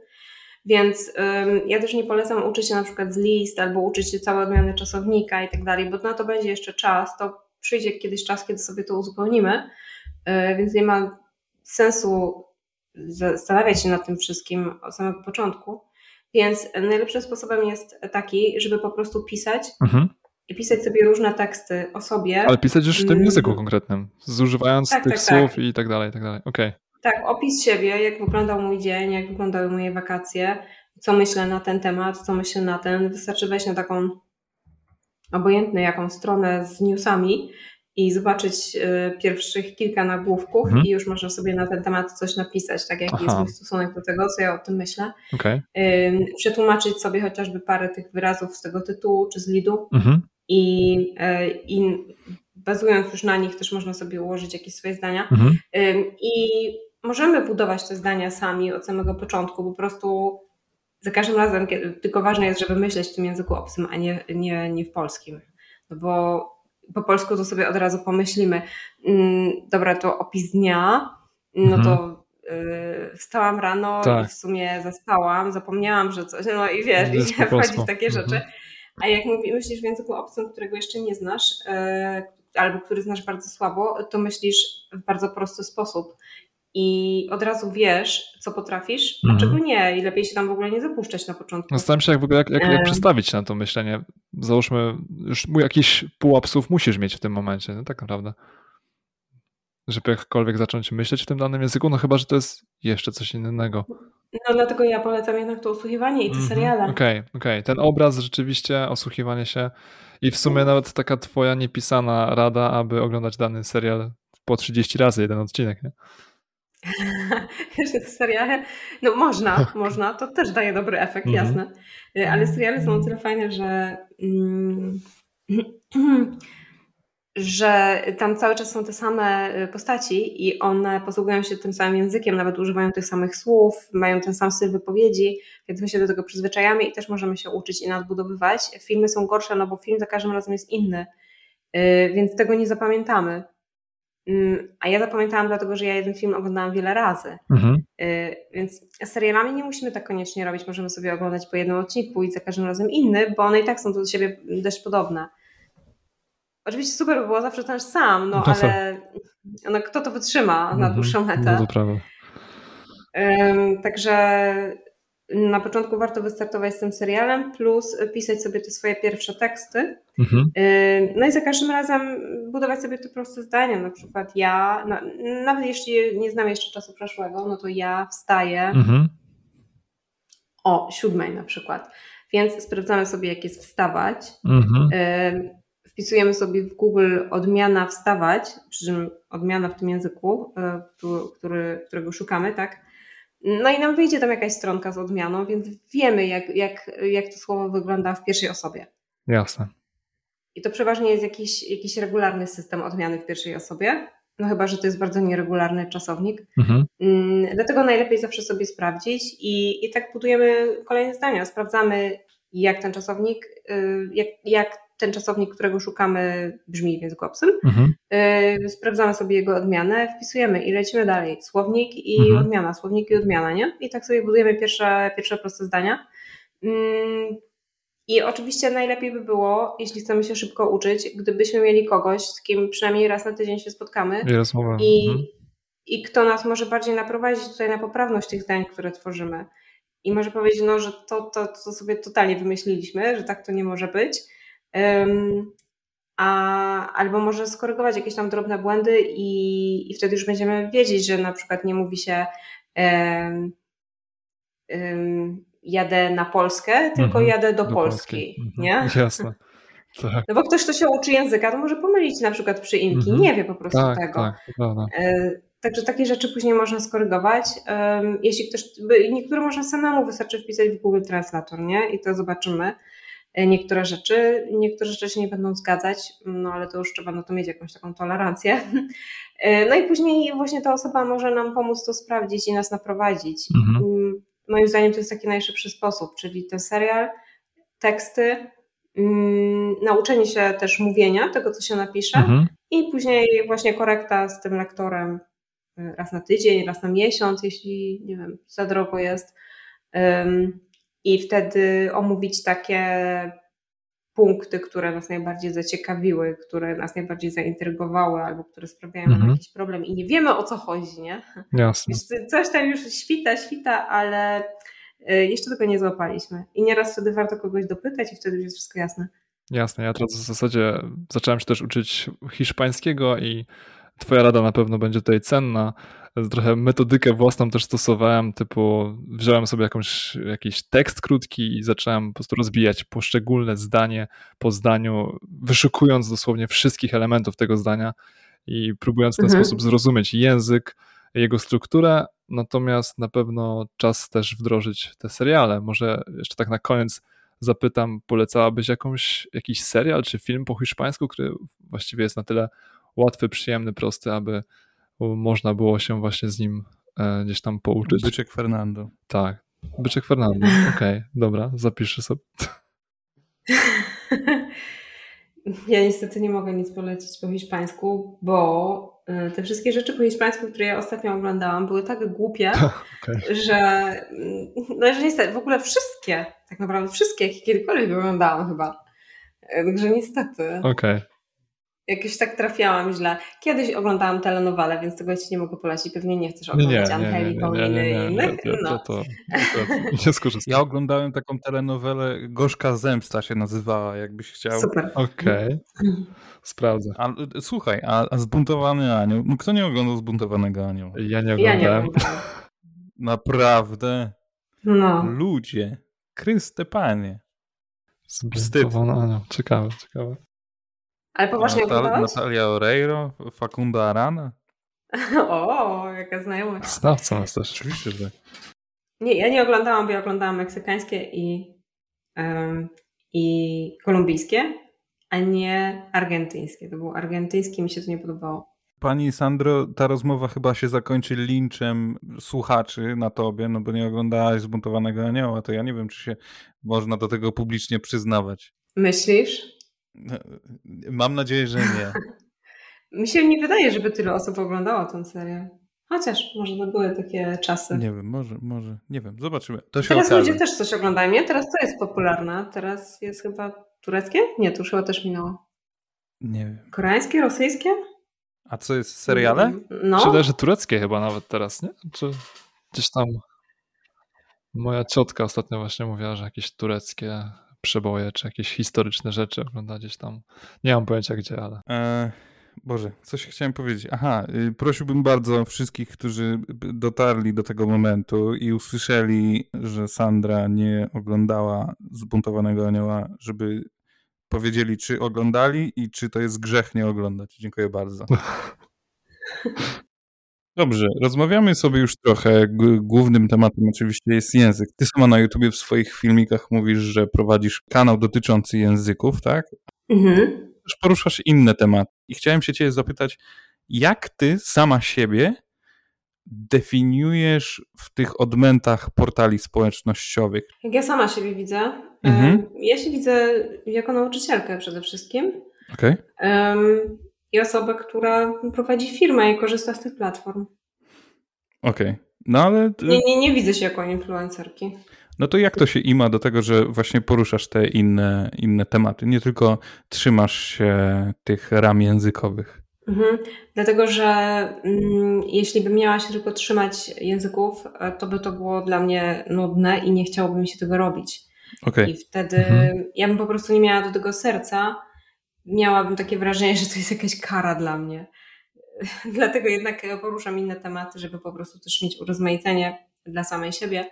A ludzie też mi piszą, że lubią, kiedy ja sobie tam o czymś innym gadam, więc e, skoro lubią, no to sobie mogę pogadać. A czujesz, kurczę, presja to jest złe słowo, ale taką, może, no dobrze, użyjmy tej presji, tej presji mimo, mimo tego, że no niekoniecznie ona jest e, odpowiednim słowem. Czujesz właśnie taką presję, że powinnaś się wypowiedzieć na jakieś tematy? Nie, nie, nie. Nie, absolutnie nie. Nie, Nie? nie przyszłoby mi nawet to do głowy, żeby czuć presję. Zresztą Okej. nikt, mi, nikt mi nigdy nic na ten temat nie powiedział, a gdyby mi powiedział, to by mnie to po prostu zirytowało. Okej. Ym, bo ja sobie robię na moich kanałach to, co mi się podoba, a nie to, co ktoś ode mnie wymaga. Także Dobrze. no, absolutnie nie. Do, dotknęły, dotykają cię na co dzień różnego rodzaju komentarze, no negatywne komentarze, no bo są i trole, i hejterzy, no i ludzie, którzy po prostu nie mają mózgu też. Jak ty w ogóle się w tym wszystkim odnajdujesz? Uważasz, że w ogóle to To jest w ogóle potrzeb, potrzebni są tacy ludzie? Może oni w jakiś sposób też cię zbudowali jako osobę tym taką, no wiesz, społecznościową, że tak powiem? Może faktycznie też. Może faktycznie nauczyłam się czegoś od nich. Mhm. E takiej bardziej może spokoju w pewnym sensie. Okay. E, bo pamiętam, że kiedy zaczynałam, to, mm, to po pierwsze też miałam, e, ja, ja zresztą wtedy jeszcze byłam bardzo młoda, bo to było prawie 10 lat temu, mhm. więc też miałam takie nastawienie, że, że ja mam rację i teraz ja wszystkich muszę uświadomić. E, dzisiaj już nie mam takiego nastawienia. Mm, I dlatego nie czuję też takiej presji, że muszę się czegoś tłumaczyć albo muszę kogoś przekonywać, więc mnie to jest obojętne i tego się nauczyłam e, też właśnie poprzez różne negatywne komentarze, e, ponieważ na początku nieraz się spalałam e, w tych mhm. negatywnych mhm. komentarzach, ale później przestało mnie to mm, poruszać, obchodzić nawet. Mhm. I no ja akurat miałam dużo takich komentarzy od samego początku, takich, no jakby to powiedzieć, trochę perwersyjnych, Okej. Okay. Więc... No, nie, nie, nie bójmy się tego słowa. Z, z, zboczeńcy spermiarzy by cię pisali. I, I tego się bałam. To naprawdę sprawiało, że, że nieraz miałam ochotę rzucić to wszystko. Mhm. Mm, bo to tak, no, no wcześniej się nie spotkałam z czymś takim, tak? Um, no i po jakimś czasie się do tego po prostu przyzwyczaiłam. Y, na początku można było normalnie się z mną skontaktować, czy przy, przez Facebooka, czy przez moją stronę. E, mhm. Później po prostu usunęłam te informacje, usunęłam możliwość kontaktu na Facebooku i tak dalej, bo, bo dostawałam za dużo takich wiadomości. Okay. Wielu mężczyznom się wydawało, że przez to, że ja mam kanał na YouTube mhm. i mhm. mówię o językach, nie, że w ogóle jak można dojść do takiego wniosku, ale przez to, że mam no. kanał na YouTube, e, to znaczy, że ja kogoś szukam, E, okay. Więc, więc oni, do mnie, oni do mnie pisali z propozycjami. Mhm. Ja nie chciałam dostawać tych propozycji, także musiałam to wszystko poblokować i, i to się po jakimś czasie uspokoiło. Natomiast um, nie wiadomo, że czasami się zdarza, nie? Ale ja się też już do tego przyzwyczaiłam. Zastanawiam się nad tą ścieżką właściwie połączenie tych kropek, że właśnie tworzysz kanał na YouTubie i to jest równoznaczne, jakoby byś tworzyła kanał matrymonialny. No. O co chodzi? Ale wiesz co, wydaje mi się, że y, faceci są prości jak konstrukcja cepa. To nie tyle, że powodem było dla nich napisanie, tylko znajdowali sobie powód, żeby napisać, rozumiesz? Że to okay. jest odwrotna logika totalnie, nie? że mhm. naj, najprostszym, e, najprostszym środkiem znaleźć sobie powód, żeby, żeby wiesz, za, za, zahaczyć Sandrę i powiedzieć o, o czymś takim, nie? O, o, o prywatnych jakichś tam zbereźnych marzeniach małych, nie? Takiego stopkarza czy kogoś innego. Więc, y, a w ogóle ty jako kobieta będziesz y, odczuwała ten hejt czy trolling, czy to właśnie zaczepianie ciebie czy odczuwasz tylko od kobiet, tylko od mężczyzn, czy kobiety też tutaj są tymi osobami, które mogą cię w jakiś sposób, no może nie dotknąć, ale zaatakować? Ja zawsze to odczuwałam od strony mężczyzn, okay. nie kobiet, dlatego to od kobiet bardzo rzadko się zdarzało.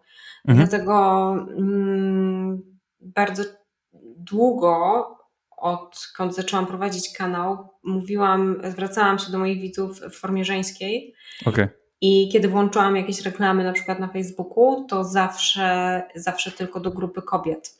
Okay. E, nigdy do mężczyzn. Nigdy nie chciałam się właśnie reklamować e, wśród mężczyzn, bo nie chciałam, żeby po prostu następni przychodzili jacyś dziwni, no nie? I te negatywne komentarze właśnie były od mężczyzn. Od kobiet się zdarzały takie czasami czepialskie, Mhm. Takie może trochę dyskredytujące, na przykład co ty tam wiesz, albo tutaj nie masz racji, albo wcale nie jesteś żadna poliglotka, no coś w tym stylu. Albo zrób coś z tymi włosami, coś, mhm. wiesz, no takie rzeczy. Natomiast e, takie naprawdę niefajne rzeczy to były właśnie od mężczyzn. Nie? Mhm. No, a oczywiście najwięcej takich dostałam, e, kiedy opublikowałam wideo o pick-uperach. Aha, no to, to, to już, y, ale to też się, y, to też napędził szarpanki, więc, mhm. więc to, to, też troszeczkę inaczej, a jego publika była taka, jaka była. W większości, wydaje mi się. A jeszcze chciałem zapytać, to Wiktor w ogóle bardzo fajnie to kiedyś podsumował, mm, że zgadzasz się z tym, że Instagram jest kobiecym portalem? Tak, tak, myślę, że tak. A przynajmniej z mojej perspektywy tak to wygląda. Mhm. A dlaczego? Myślę, że to jest takie kobiece medium, bo jest takie y, bardziej y, nastawione na estetykę też. Mhm.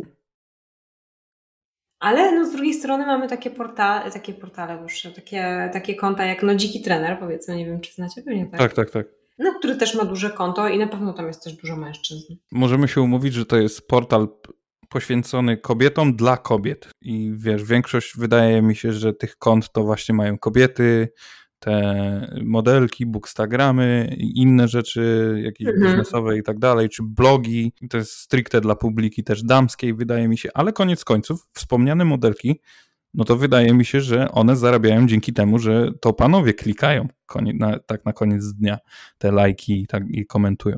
Ale ja nie wiem, czy one na tym zarabiają, czy, czy to jest w ogóle publika, na której można zarobić. No Okej. Bo mm, ja konkretne rzeczy sprzedaję i jeśli ludzie to kupują, to ja zarabiam. No ale to, że Okej. mi ktoś lajka, to ja na tym nie zarabiam, no nie? Mhm. Jeśli oni obserwują kogoś, kto publikuje jakieś tam półnagie albo nagie zdjęcia, bo takie też właściwie są, Mhm. to ta osoba w żaden sposób na tym nie zarabia, bo na liczbie obserwatorów się nie zarabia. Okej. No ja, ja nie wiem, ja się nie znam. A widziałam kilka takich kont, e, takich półnagich. Mm, Nie widziałam tam też żadnych reklam. Okej. Także nie No wiem, to na może też na, czym, na czymś innym zarabiają faktycznie, nie? Może te lajki jakoś tam się liczą. A słyszeliście o tej dziewczynie, która e, właśnie na Instagramie zaczęła sprzedawać e, wodę swoją po kąpieli? Serio? Co? Co? Mhm. To jest, no, no to, to Ale fajnie. nie wiem, bardzo. czy naprawdę zrobiła na tym miliony, ale sprzedawała. No to słuchaj, y, nie wiem, nie wiem, czy to się, nie wiem, czy jesteś, brzyd, jesteś brzydliwa, nie wiem, czy mogę to powiedzieć, bo, bo różni, są, e, różni są ludzie. Co to znaczy? Brzydliwa, no w sensie, że brzydzi ci- cię dużo rzeczy. Nie, raczej nie. E, Jest taka strona na, na, w internecie, się nazywa Majtkomat. Mhm, Chyba okej. panie, tak mi się wydaje, e, panie sprzedają no właśnie swoje majtki, no i tam, Mhm. i tam zainteresowani mogą wpisywać e, daną usługę, co ma się wydarzyć z tymi majtkami, czy to ma być pot, mocz, inne wydzieliny, a jest, jeszcze, a jest też i kał w sprzedaży Mhm. w pakietach, także jak jest popyt, to jest i podaż. Mhm. To ja pamiętam, że coś takiego kiedyś tylko w Japonii było, a teraz mówisz już w Polsce, tak? Kiedyś to były fetysze, dzisiaj to jest coś normalnego, także... Mhm. E, Kurczę, chciałem jeszcze o, o jedną rzecz zapytać. A właśnie, czy te strony, czy te portale, których używasz, ty, czy te narzędzia w jakiś sposób cię ograniczają? W jakim sensie? No, twój, twój biznes, twoją sprzedaż, może twój rozwój? Em, mój biznes, moją sprzedaż? Myślę, że nie. Nie, ale chodzi Ci o na przykład takie rzeczy jak cięcie zasięgów, czy, czy możliwości, czy Nie, jakieś w, w, ograniczenia możliwości cięcia ja zasięgów, w jakkolwiek sobie? to interpretujesz, a może na przykład są pewne elementy Instagrama, które chciałabyś, żeby zostały zmienione, które by ci sprzyjały bardziej jako Ha. osobie, która prowadzi taki, a nie inny content. No jasne, dobrze by było, żeby nie było cenzury, nie? O, Okej. Bo cenzura jest w tych miejscach, w których nie powinna być. A to na przykład zdarzyło ci się, że ocenzurowali twój post jakiś? E, Post, w sensie zdjęcie, nie, ale Mhm. nie wiem, czy cenzurują zdjęcia. Póki co to widzę gołe albo prawie gołe, więc chyba nie. Mi, ocenzu- mi wyrzucono książkę raz, bo wstawiłem 120 dni Sodomy, e, recenzję, gdzie na Mhm. okładce był tyłek, po prostu był tyłek i e, wyrzucono mi ten post. Wow. Po prostu. Tak. Okej. A to ja ostatnio na tyle profili natykam się takich, gdzie naprawdę e, no wszystko widać. No właśnie nie wiem, nie, nie rozumiem tego, bo, ale wydaje mi się, że ktoś mnie zgłosił, wiesz, e, że to byłby powód, no bo ja też zasięgów nie mam jakichś, w ogóle nie mam zasięgów i dotknęło mnie to dosłownie w przeciągu dwóch minut od wstawienia postu, więc wydaje mi się, że ktoś mi pomógł, no ale no, no nieważne, no. Prawo nie jest równe dla wszystkich, najwidoczniej. No właśnie, no właśnie, są równie równiejsi. E, No ale teraz jest tak, że wystarczy wpisać w relacjach słowo test albo Mhm. maska, maseczka, paszport i zaraz wyskakuje informacja Mhm. odpowiednia. No a jak dużo się ma takich informacji, to w końcu prędzej czy później się pojawia wiadomość, że tutaj masz żółtą karteczkę, Mhm. no więc to jest ograniczenie. Okej. Słuchaj, mam jeszcze pytanie y, jedno od Wiktora i y, w którymś tam filmiku mówiłaś o najbardziej kurwiających rzeczach, które mówią lub robią uczniowie. A jakie cechy nauczyciela wskazują na to, że jest on chujowy?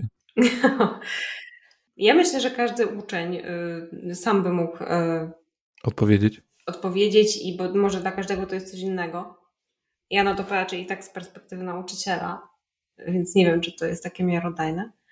E, jeśli bym miała na to spojrzeć z perspektywy ucznia, mm, to no myślę, że, że niefajny nauczyciel to jest taki, który taki, który nie ma pomysłu na zajęcia, taki, który wykorzystuje czas na zajęciach do mhm. tego, aby, aby robić rzeczy, które uczeń może zrobić w domu. Na to po prostu moim zdaniem szkoda pieniędzy ucznia. E, taki, który się naśmiewa z ucznia, poniża, Mm, no to są takie naj, e, najgorsze rzeczy, nie? Albo mm, stresuje w jakiś sposób, ale to też jest takie trochę, wiesz, bo każdych, e, wszystkich ludzi, każdego stresuje coś innego. Mhm. Ja też mam różnych uczniów. Niektórzy uczniowie uważają, że jestem w ogóle super, y, bo y, się czują w moim towarzystwie zrelaksowani i, i, i im jest przykro, że kurs się kończy, a są mhm. tacy, którzy są naprawdę zestresowani. Mhm. Y, więc to też zależy od danej osoby i ja myślę, że mm, jedną z takich ważnych rzeczy, jeśli chodzi o wybór nauczyciela, o dobór nauczyciela i ucznia, jest taka chemia między nimi. Mhm. I dla jednego ten nauczyciel może być super, a dla innego będzie właśnie beznadziejny. Chyba to tak jest i to też jest podyktowane charakterologicznymi jakimiś cechami, bo ja pamiętam, że często nauczyciele, którzy nie pasowali moim kolegom, pasowali mi, no bo no właśnie, właśnie, byli tacy wymagający i często... O, dokładnie, tak samo miałam. No i często, i często lepiej mi się pracowało w tym stresie, lepiej mi się myślało, ale mhm. ty mówisz, że też wolałaś, jak było... E, jak byli wymagający, mhm. ale nie... Y, ja nie odczuwałam nigdy stresu jakiegoś mhm. związanego z nauczycielami, y, bo na mnie to nigdy nie działało, bo jeśli ja na przykład mam coś zrobić, a czegoś nie zrobię, to nie zrobię, no to, mhm. to nie.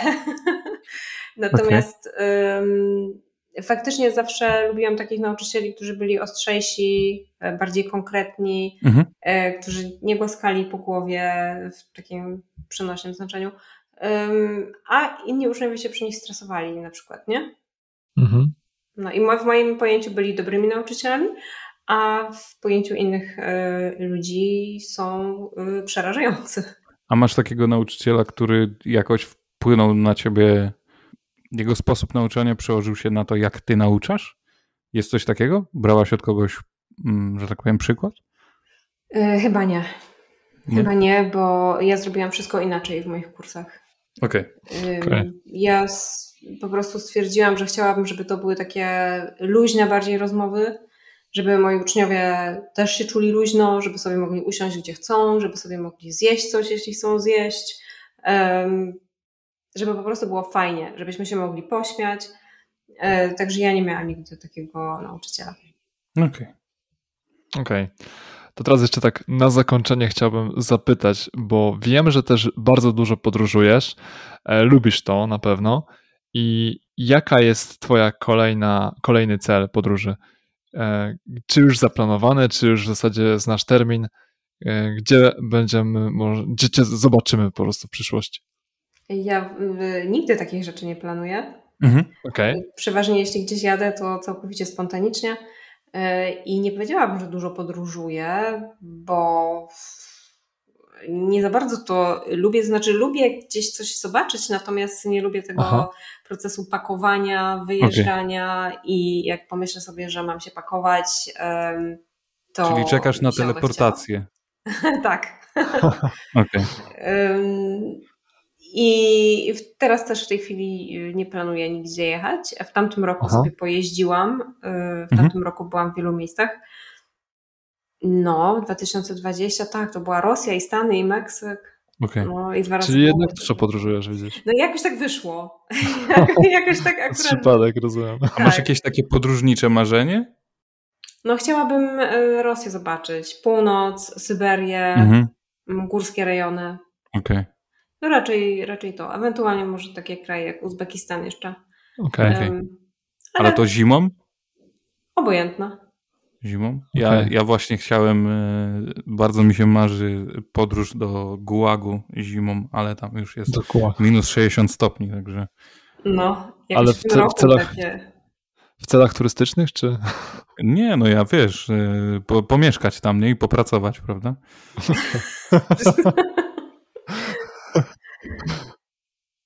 Jasne. A Sandra, os- ostatnie pytanie.